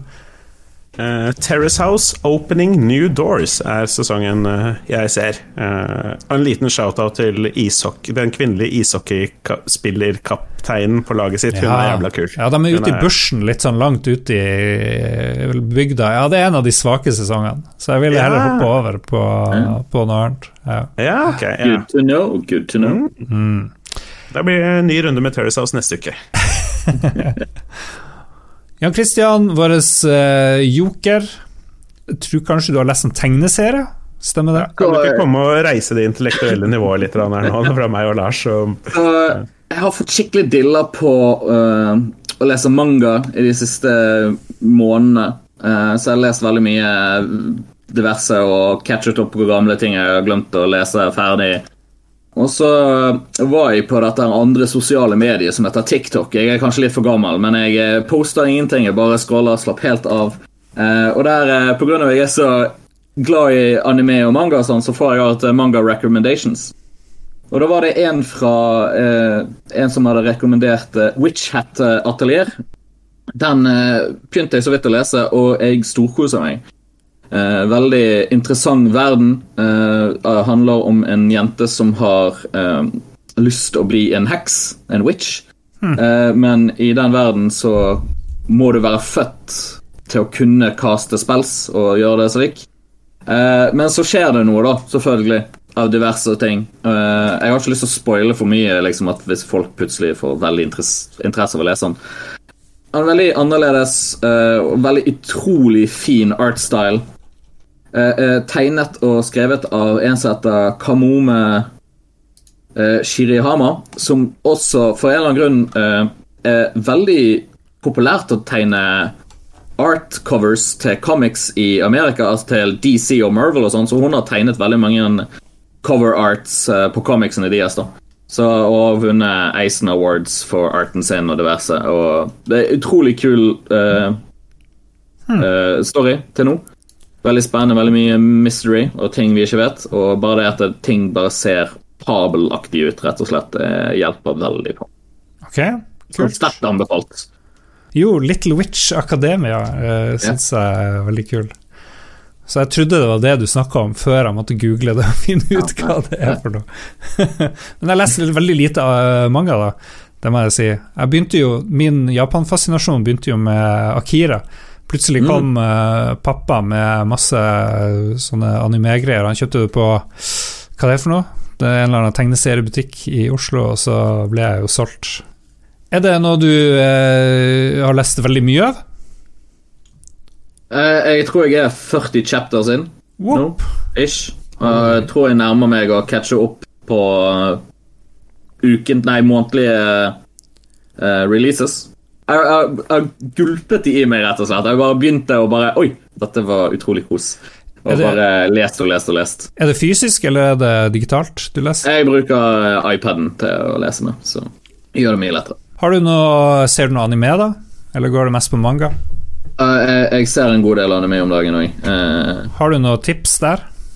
uh, jeg kan anbefale Haiku, en sportsvolleyball-anime. Ah, yeah. Og, og jeg, jeg var veldig skeptisk når jeg begynte, men jeg har hørt så mye bra om den serien at jeg, når jeg begynte, så begynte meg og min bror, så det er noe måte meg og min bror har connectet på nå når jeg bor i Trondheim, er å bare se jævlig mye eh, anime. Uh, så vi, vi har en, en, en søndagsdate, basically, der vi ser eh, anime på søndagene. Og da har vi blastet vi gjennom Haiku og desidert en av de kuleste animeene jeg har sett på lang tid. Det er bare veldig Enten så er det pga. det er så lenge siden jeg har sett noe sportsanime, eller så er det bare pga. det er bare fantastisk kult. eh, Og animasjonen er råbra. Så eh, hvis du er usikker på, på volleyball og anime, om det går bra, det går veldig bra. Det er dritkult. Jeg kjøpte meg jo sånne eh, Crunchyroll-greier for ikke så lenge siden, liksom for å For å se mer, men jeg har så jævlig lite tid til eh, ting. Jeg prioriterer Are You The One og sånne ting, men jeg må prøve. jeg må slutte å høre på Philip og komme tilbake i that anime game. Jeg begynte på de som skal nedkjempe sånne store giganter. De der, Attack on Titan. ja, Power Rangers. Attack on Titan jeg er i gang der. Men jeg måtte begynne å se det på nytt igjen, og bare, ja, for å minne meg sjøl på. Jeg fullførte nye sesongen av eh, Attack on Titan, og så var jeg altfor spent til å finne ut hva som skjedde. At jeg måtte finne ut eh, Måtte finne fram mangaen uh, somehow, og bare sånn Ok, jeg må bare vite hvordan dette ender. For det Animeen sluttet samme uken som mangaen sluttet, sluttet, eller noe sånt. Eller rett rundt samme tid. Så det var sånn at Alle som leser mangaen, vet hva som skjer, og jeg bare Nei, jeg må Jeg skal I'm in. Det, det er basically sånn jeg egentlig begynte å lese manga. Uh, One Piece var veldig kult, og så bare sånn Jeg må vite hva som skjer videre, og så fyrte jeg fram uh, mangaen. Så Er dette eh, Witch Hat Atelier eh, Har det noe å gjøre med Slut Witch Atelier? uh, Det vet jeg ikke hva er, så jeg kan ikke kommentere på det, men jeg tviler sterkt. Nei, nei, jeg bare googla jeg i incognito mode og trykka videre et par ganger, og så dukka det opp noen videoer. Ja, nei, eh, mm, nei, jeg tror ikke det har noe med det å gjøre. Ok. Sensuren sier at vi må ta en pause. Vi skal avslutte med lytterspalten etter det her.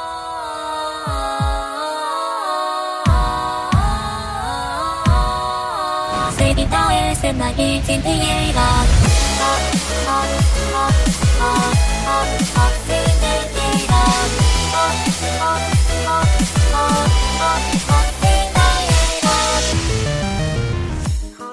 Vi har kommet til lytterspalten, alle sammen, og vi har gjort det helt klart at vi har en eh, Xbox-ekspert med oss. Vi har gjort det klart at vi har en eh, spillutvikler med. Men jeg tror de fleste var opptatt av at det er 17. mai i dag, tror jeg. Vi begynner med GSW Skog. Det står jo Hva står GSW for, tror dere? Gisle Swanson Skog. Ja, jeg tror det. Game Studio West. Skog. Ja. Game Studio West, det liker jeg. Har vi sett siste update fra Skyblivion? Den er snart ferdig, vil jeg tro. Der tror jeg er fra, fra eh, chatten vår eh, på Twitch. Skyblivion, hva det heter for noe? Det heter et eller annet. Det er jo Elderscroll 6, er det det vi snakker om? Det er uh, Den må- som gjenskapes i Skyrim-motoren. Er det det? Jeg trodde det var noe sånn her eh, Ja. Nei, fordi Ja, nettopp. Jeg blanda, blanda. Det er vel noe Nå vi skulle hatt Mats her, for dette er litt sånn opp hans gate. For jeg tror dette også er noe fan-made shit. Ja, det er slik jeg har forstått at det er en fan-community som har eh, holdt på med det i ganske mange år. Eh, jeg er ikke så glad i Skyrim-spillene, eller Elder Scrolls-spillene, så jeg har ikke nødvendigvis fulgt med. Ja, det heter Starfield, heter noe greier som Betesta holder på å lage, så derfor jeg ble Ja. confused. Nei, vi driter i Skyblivion. Vi har ikke peiling på det. Beklager Game Studio West. Vi får ta det med neste gang i stedet. I stedet går vi over til Philip. Kristoffer Getto Boys Hansen han spør hvorfor er Gears den beste skytebaserte co-op-serien. Og da tror jeg han sikter til Gears of War. ja, det vil jeg tro. Ja, Kristoffer. Hvorfor er Gear ja, Det er jo derfor vi har uh, Jan Christian her. What's, what say ye? Jeg føler det er en av de eneste skikkelig gode co-op-spillene som er liksom fra start til slutt uh, en full story som involverer flere karakterer.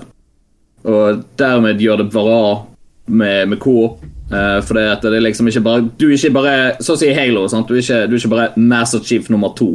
Eller en annen random dude på siden. Du er liksom, det er disse karakterene. Dette er disse soldatene sammen. Og se hvordan de går gjennom hva jeg skal kalle det, helvete og faenskap. Og, og, det er bare utrolig gøy å spille Gears of War. Det, det er bra, gode mekanikker og sånn som det, og jeg har storkost meg mye når jeg har spilt det med en av mine beste kompiser. Ja. ja men jeg tenkte umiddelbart på ja, alternativer til Gears of War ja. som bra co-op-skytespill. Eh, spesielt i sofaen, um, som er den beste måten å spille co-op på. Uh, i, ja, det er jo Halo, som du nevner. Og så er det selvfølgelig det, det fantastiske serien Army of Two og Army of Two 2 og Army of Two 3, I guess, eller hvis det kom en tredje i den serien. Uh, det var kanskje ikke like gjennomsolide spill som det Gears of War var, men jeg personlig koste meg veldig med Halo i co-op. Uh, nå er ikke jeg noe særlig Halo på en måte fanboy, så det plagde meg ikke at, jeg, at det var flere Master Chiefer, eller hvordan det var, men, men jeg skjønner jo at det, det, for noen kan være et, et skår i gleden. Men uh, ja, det var for så vidt en god skyteopplevelse. Jeg vet ikke, Lars, om du har noen andre forslag? Det jeg kom på med en gang, det var jo at jeg satt i Barcelona med hun der eh, Jade et eller annet, som jobba i Ubisoft en stund, eller noe sånt. Jade sånn, Raymond. Jade Raymond mm -hmm. Og han der som var sjefen for Gears of War en stund. Cliff Blesinski. Nettopp. I, en mansion uh, utenfor Barcelona, oppe i The Hills, i en sånn ambassadørbolig, og fikk prøve Gears of War med Jon Cato og var der, og vi drev og styrte på. Peter Jackson hadde nettopp presentert et eller annet spill, og var dypt inne i en sånn Peroni-fylla, og en Keys drev og skjærte skinke eh, rett ved siden av oss, og levde liksom det gode livet som spilljournalister før i tida. Og etter den name-droppinga der, solide name-droppinga, så syns jeg jo Gears er helt fantastisk. Inntil jeg begynte å bli litt lei, etter nummer tre kanskje, eller noe sånt. Så én og to, helt fantastisk, og så, mm. så datt jeg litt av. Jeg syns det ble litt for glatt, hele greia. Xbox One, Gears of War uh, tiltalte meg aldri, men det var kanskje fordi jeg vet ikke helt hva det var for noe. Jeg kommer ikke på noe bedre Coop den typen tredjeperson springer rundt og styrer på. Bare Eneren tror jeg er helt enig var, var veldig god. Jeg bare husker plutselig hvor mye slit det var å komme innom eneren. Øystein, hvis du hører på, sorry, jeg elsker deg, men eh, du var ikke kjempeflink i spill, så noen ganger så var det litt tungt eh, på noen av de bossene. Eh, men veldig gode opplevelser, for så vidt. da kan eh, Jan Christian få lov å ta Skal vi se, var det Alf Inge vi hoppa over her? Eh, god 17. mai. Hadde dere et drømmespill når du var yngre som har blitt realisert i et utgitt spill? Oi, oi, oi. Det er et veldig godt spørsmål som krever veldig mye tankekraft. Min drøm er jo at vi får et nytt sånn her X-piloter. Da var jeg jo absolutt yngre, og det norske spillet der Hvis det er noen spillutviklere, host, host, eh, JC, ikke Jon Cato, men Jan Christian Det er bare å spille inn med en gang få dem til å kikke på det, last ned kildekode. Der er det, der er det gull. Gull å hente fra Norge. Jeg har ingen spill som jeg har alltid ønsket meg, eh, på en måte. Eh, som plutselig har Å ja, det var akkurat det jeg håpte på at dette spillet skulle være. Eller, eller endte opp med å bli. Eh, jeg føler mye av min glede i spillet er liksom OK, hva er det jeg ikke, hva er det jeg ikke tenker på? Og så spiller jeg noe, og så bare oh, Holy shit, dette her gidder meg noe som jeg aldri hadde tenkt på sjøl, liksom. Uh, og om det er bare en story eller en kul mekanikk eller et eller annet sånt som det der, det er mye av det gleden jeg får fra spillet, i hvert fall. For min del så er det jo egentlig kjempeenkelt, all den tid jeg alltid har ønska meg en remake av Final Fantasy 7. Uh, ja, vær forsiktig med hva du ønsker, er ikke det? mm -hmm, exactly. Noen ganger Du har ikke fullført det engang, har du det? Jo da, jo, jo. jo, ah, ja. jo. Jeg, bare, jeg bare fullførte det ikke på stream. Eh, mm. Men ja, fordi eventuelt nye lyttere Jeg er eh, offisielt Norges Final Fantasy 7-fan. Jeg er ufattelig glad i originalen. Kan det inn og ut. Har spilt en milliard ganger etc. Uh, gleder meg masse til remaken kom. Spilte remaken på Lolbo stream. Uh, da dro jeg en solo 24-timers-stream uh, og koste meg masse. Og etter den 24-timersstreamen så var det veldig tungt å plukke det opp igjen, for å være helt ærlig. Da var jeg litt sånn uff, dette Det var mye på en gang. Jeg fullførte det endelig, og ja, nei, Jeg skal ikke gå for mye inn i Final Fantasy 7, men det er ikke Det, det er en bla, bla, en nyutvinning, og det er gjort masse som er helt annerledes enn i originalen. Og jeg har alltid ønska meg en remake av originalen. Jeg har ikke ønska meg et nytt spill til som later som det er originalen for å presentere noe annet. Altså, det var ikke det jeg fikk. Uh, men når det skal sagt, uh, Lars, jeg har alltid ønska meg et spill basert på Peter F. Hamilton-bøkene. Jeg tror det hadde vært jævla kult. Okay. Det må spille som Paul og, Paul og Mayo. Auki Schmøkedeux. Vi får et, uh, en hot take fra Magnus Eide Sandstad. Phil for president. Og jeg tror det er fordi Jan Christian er gjest, og at det handler om Phil Spencer, som vel er Xbox-sjef. Kan det stemme?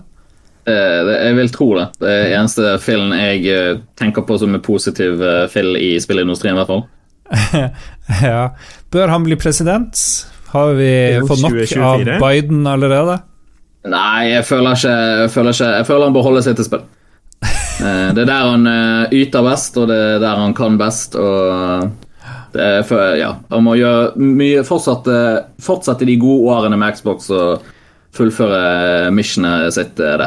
Ja, han er jo allerede da executive vice president of gaming i Microsoft, så han er jo faktisk president. Så det ønsket er tatt allerede.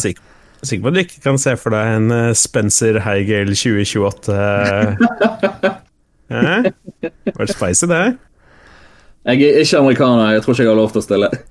Visepresident, sa Eller, nei, det, det veit jeg ikke, for å være ærlig. Jeg, er ikke, jeg, er i hvert fall ikke gammel nok, for det er vel noe sånn du må være over 40 eller noe sånt, tror jeg. Martin Pettersen har et bra innspill her, Philip. Han spør hva vi tenker om Fable. Er det fortsatt håp for den spillserien? Er det sånn at det skulle komme noe nytt der, eller, eller Ja? ja, ja, ja det, du har eh, Det er Forsa Horizon-studioet. Åh, uh, oh, gud, jeg glemmer helt hva det heter. Play in your mama. Ja, uh, men uh, de, de lager jo vanligvis Forsa Horizon-spillene, altså kjørespill. Uh, men de har nå fått også startet et second team til å lage Fable, et nytt Fable-spill. Som de baserer på Forsa Engine, så det blir veldig spennende å se hvor fint det blir. Med tanke på at eh, Forsa-spillene er ganske så pene spill. Men de kansla et Fable-spill, gjorde de ikke det? En gang i tida, for ikke så lenge siden. Eh, siste spillet til Lionhead, eh, Fable Legends, Eh, jeg hadde tidlig alfa- eller beta-tilgang, så jeg eh, koste meg med det. Jeg syns det var veldig kult. Men eh, jeg forstår litt hvorfor de kansellerte det, men det var veldig trist, for å si det sånn. Det var noen sånn multiplayer-greier, eller hva det var for noe? Ja. ja, det var multiplayer. Du hadde basically en, en level der du var Du valgte ja, en av Gud, hvor mange Jeg tror det var tre helter sammen. Og så hadde du en, en, annen spiller som styrte på en måte fiendene og fælene og diverse greier. Så det var liksom det konseptet med Nesten som en dungeon master i DND, liksom, at du skulle prøve å lage hinder for spillerne og komme til mål og sånne slikt. Så, slik som jeg. Ja. Men, men, de hadde veldig mange kule karakterer som jeg syns var veldig nice. Ja, fordi 1, 2 og 3 var jo vestlig rollespill relativt det, var, det var kjempegreier. Jeg likte de veldig godt. Ja, ja, ja, jeg også. Syns det var kjempeartig. Jeg er jo glad i rollespill, og i Fable var et sånn type spill hvor du kunne ta valg, og valgene påvirket verdenen og ting som skjedde senere og sånn. Jeg var kjempesucker for det. Det føltes, det føltes kanskje vel lineært når jeg tenker tilbake på det, eh, men Nei, en veldig kul verden, historie og sånne ting. Eh, jeg spilte både én og to, men jeg tror ikke jeg fullførte treeren. Jeg tror kanskje jeg testa en co-op-greie som var der, men at den ikke falt så i smak. Men eh, ja, jeg kan være ganske klar for å, for å få Fable tilbake igjen. Playground Studios. Ja, Playground var... Games. Er det, er det, snakk om å få Peter Molyneux tilbake? Nei, det tviler jeg ikke. Altså, jeg tror ikke det. Han driver fremdeles og lager Milo, eller noe sånt. Jeg lurer på om jeg er den eneste som husker den eh, kjenner til den spøken. Nei da. Jeg, jeg bare leser her at eh, ja, nei, det skal, kan potensielt foregå over flere planeter, involvere tidsreiser, men fortsatt være satt i denne fable-verdenen. Eh, Så det kan bli ja, sjuke greier. Det blir spennende. Vi gleder oss til E3. Hæ? Mhm. Ja. Uh, Jan Christian, hva sier Thomas uh, W. Holmedal, og hva står W for? Jeg, jeg, jeg, skal jeg komme med en cop-out til å si West igjen? Jeg liker det. Thomas West uh, Holmedal kommer og spør hva er det beste 17. mai-spillet. Oi, oi, oi. Og nå, nå, nå vet jeg ikke om man tenker på spill som i dataspill, men de lekene når du var liten eh, på skolen. Det er i hvert fall det jeg tenker når jeg leser det. Og jeg likte alltid godt uh, fiskingen, for du, du fikk alltid premie. Uansett hva du gjorde. Om du var, om du var god eller dårlig, du fikk en premie. det er vel potetløpinga skje, alt kan jo skje. Ja, ja, Potetløp, men det var veldig gøy. Ja, potetløp er konge. Sekkeløp, litt slitsomt, det må jeg si. Mm, var det noen andre Det var noe jeg ble påminnet. Jeg ble påminnet det med sekkeløp i dag når jeg så på NRK, fordi jeg husker veldig godt den overgangen fra når jeg ble så tung at når vi brukte søppelsekker og ikke striesekker, så kunne man tråkke gjennom sekken, og så kunne man bare løpe. Du bare rigga systemet. Ja, Ja, men ja, hvilke andre var det, bortsett fra den skjeinga og fiskinga? Jeg husker bare at de viste film på sånn gammel, av en eller annen grunn, 8 mm-fremviser. Så gammel er jeg på barneskolen. Det var Nå skal vi se eh, As Espen 8 mm Askeladd og, og noe sånn her Ivo Caprino-drit. Det var liksom det de viste. Dro de frem den ene høyttaleren, kobla den til et eller annet, og så fikk vi se tegnefilm 17. mai. Kasta hestesko. Nei Dere kasta Hva, ikke? hva med slå spiker? eh, Det var òg en eh, ting vi hadde. mm. Så spiker fortest ned i planken eller noe sånt. Det var litt konkurranse, husker jeg. Ja, det har vært en ting, det.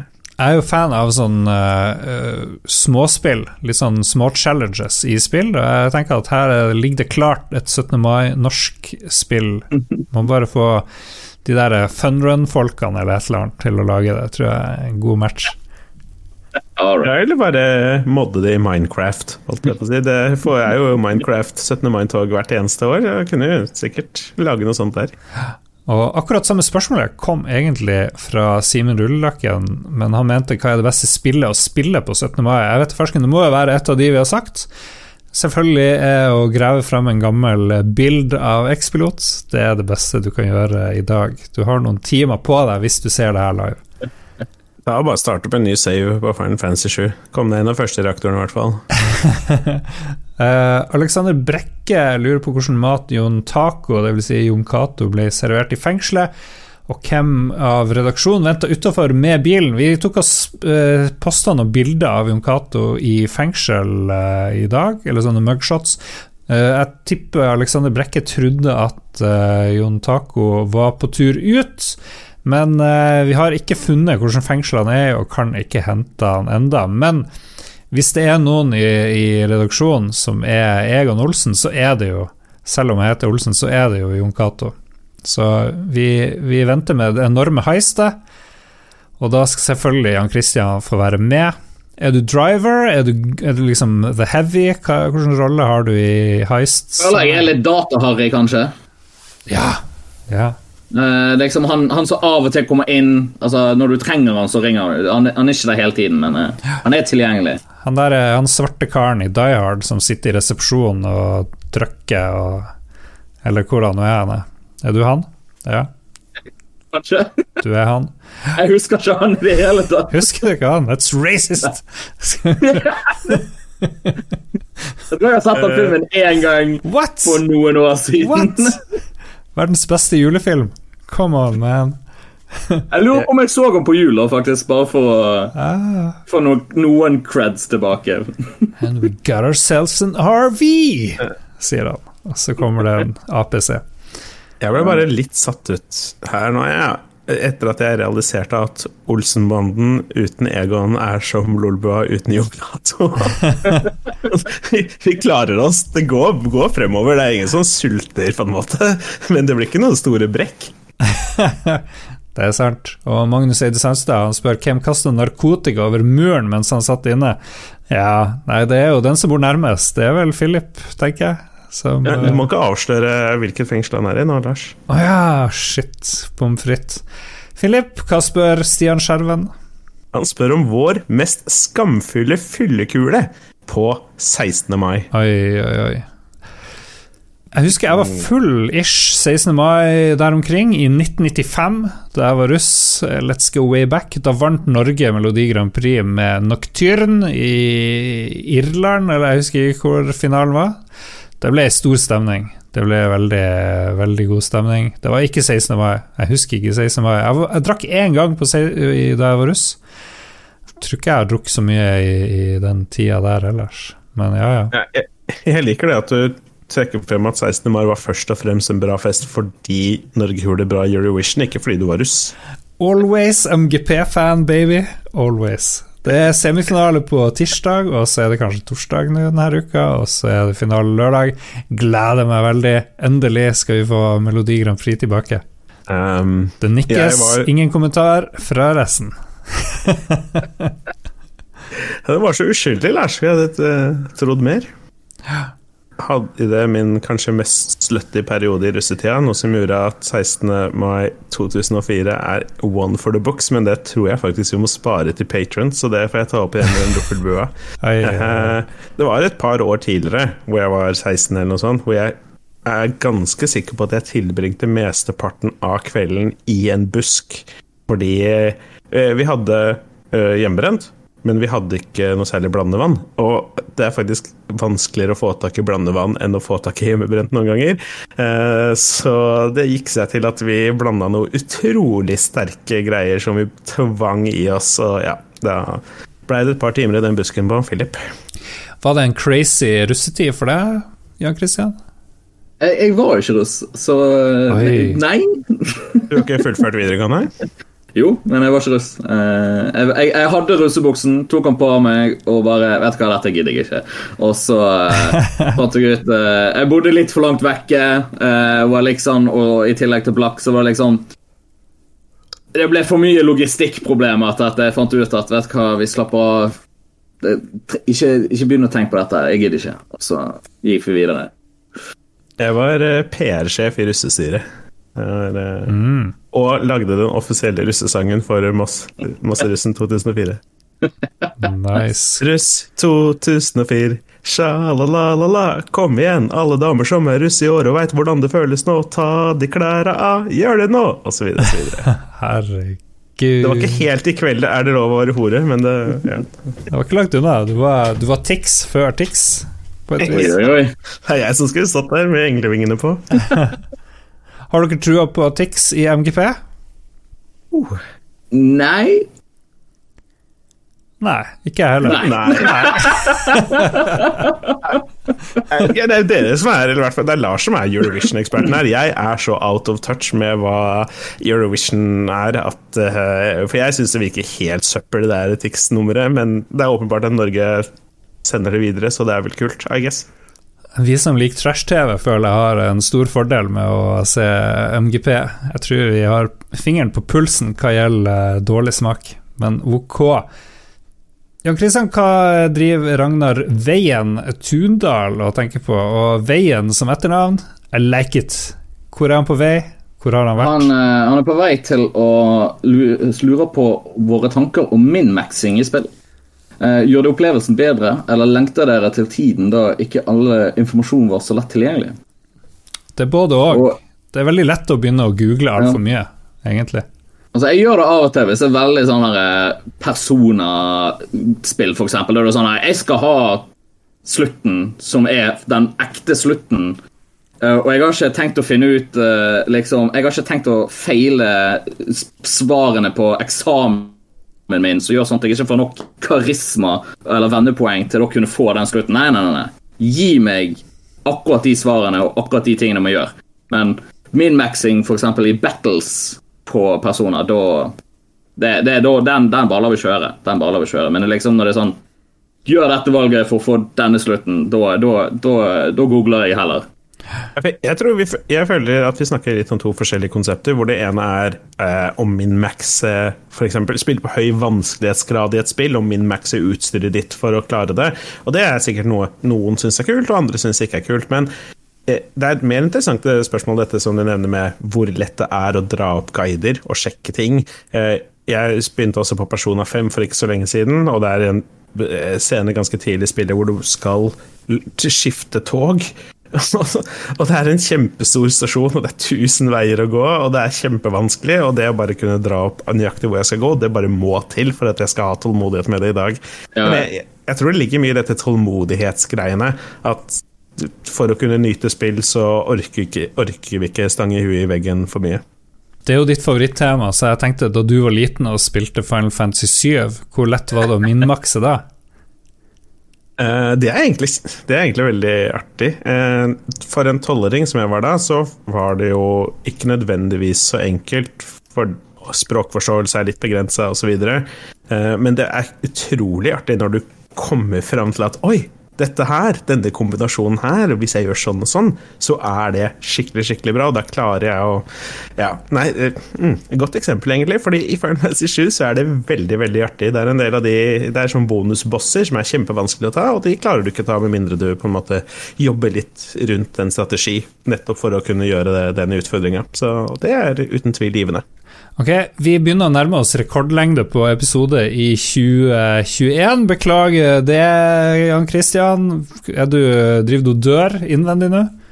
Eh, Jeg begynner å bli litt varm i trøyen. Men, eh, Samme her. det- Jeg har veldig lyst- Veldig lyst til å ta av meg den jævla skjorta. Ser du, Det er forskjellen på meg og deg, Lars. Fordi du beklager til Jan Christian, mens jeg hadde lagt skylda på han. Ja, faktisk. Ja, vi hadde alltid korte, konsise episoder før Jan Christian ble med som gjest. Ja, vi har to Jeg vil bare påpeke det er dine tekniske problemer som har Ah, Jeg skjønner ikke hva du snakker om. Jeg skjønner ikke. Le- sy- Lytterne har ikke fått med seg noen av de. Det er dessverre sant. Kanskje vi må la det være noen spor av tekniske problemer i ferdigklipp.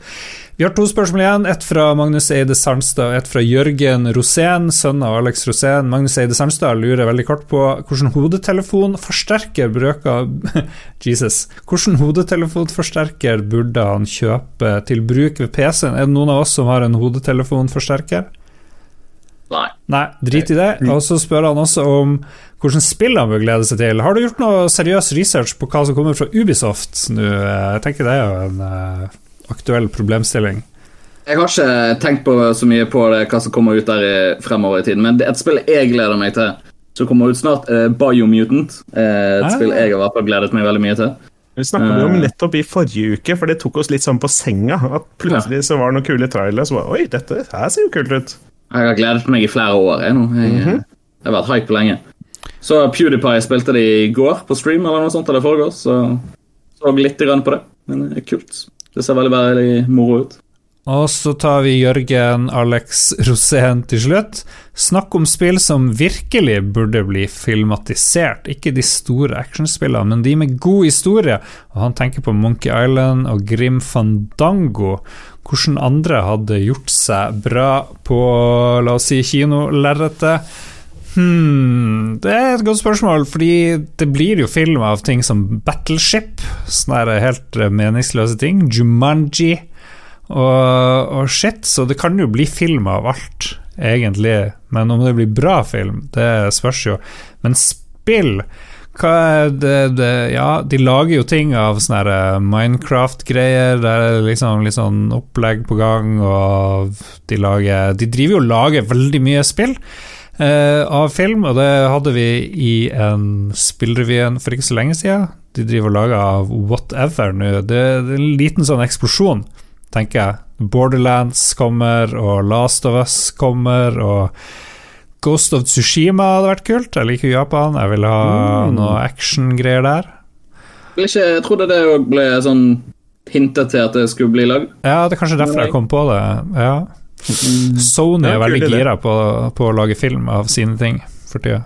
Jeg, jeg vet ikke, jeg føler på en måte at jeg svikter alle lytterne med å ikke bare si Final Fantasy 7, men eh, ja, Det toget har jo gått. uh, nei, nei. Dead Spirits Within var ikke en Final Fantasy 7-film. Og denne, hvis du tenker på Advent Children, så er det noe annet. Uansett. Um, Men også connected. men også connected. takk, takk. Dark Souls-filmen. Den Dark Souls Oi. the Movie. Den hadde jeg sett. Da høyner jeg med Bloodborne, the movie. Oi, Høyner jeg ja. med Demon Souls. Men han vil ha god historie. Da, vi spilte jo gjennom To the Moon i spillklubben her for ikke så lenge siden. Det var jo en ganske god historie, og dere mente jo at den burde kanskje bare være en film eller en interaktiv novelle, sånn sett. Har du spilt det, Jan Christian?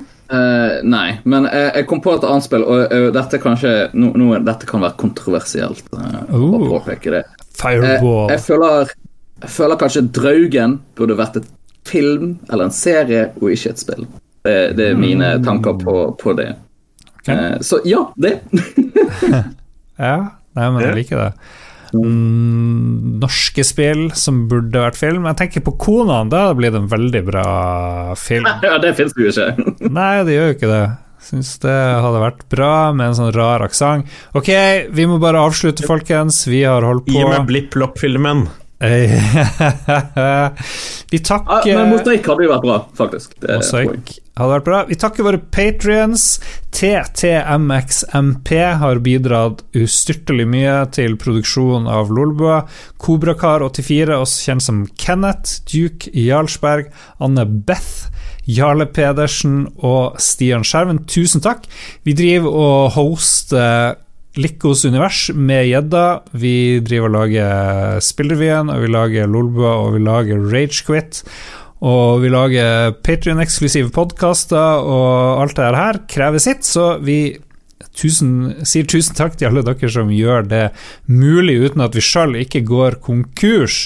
Tusen, tusen takk. Du kan også støtte oss på patrion.com slash lolbua. Vi må si tusen, tusen takk til Jan Christian Heigel, eh, tidligere Pineleaf, nå snart Ubisoft, som eh, veldig tålmodig og hyggelig gjest. En av våre første lyttere som eh, vi ikke kan rose nok, og ønsker deg lykke til videre. Philip har gjort en strålende innsats i dag. Han har båret slipset sitt med stil, spilt trompet for oss i pausene og sørga for at teknikken har gått helt ad undas underveis. Det har forhåpentligvis du som hører podkasten. Lytterne vet ikke noe om det. Eh, Jan Christian, jeg ønsker bare, før vi gir oss, kan du gi meg noen form for eh, lovnad om koder til Ubisoft-spill sendes direkte Oi. til Lolbua-innboksen eh, over de neste året? Eh, hvis du spør meg, Finn, så kan jeg sikkert ordne noe. Uh, alt jeg, jeg vet jeg har noen fordeler når jeg jobber der. Det er alt jeg vet. For favor. All right. Tusen takk til Jon Cath, som ikke er her. Vi håper du er tilbake snart. Det høres ut som det kan skje noe bevegelse. Jeg har fått koda meldinger fra fengselet om at han muligens er på vei tilbake. Tusen takk til alle som fulgte denne streamen på 17. mai. Brukte masse, masse timer på å følge med på dette eh, opplegget her. Takk til alle som bidro i chatten. Jeg vet ikke om noen tok den siste koden til Dwarfame, så den skal vi prøve å dele ut til noen andre etter hvert, hvis ikke den er tatt. Støtt norske spill, støtt norske spillmedier, vær snill med hverandre. Pandemien er snart over, det går bare et år til, kanskje, eller noe sånt, så muligens. Vi får se. Vi snakkes. La 17. mai om ett år være mye bedre. Ha det bra. Ha det bra. Ha det bra.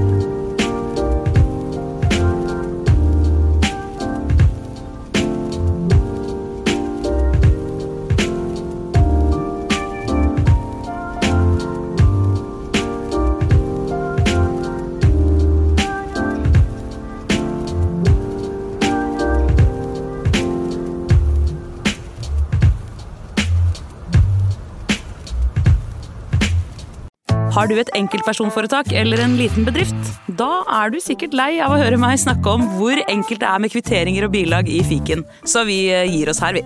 Fordi vi liker enkelt. Fiken superenkelt regnskap.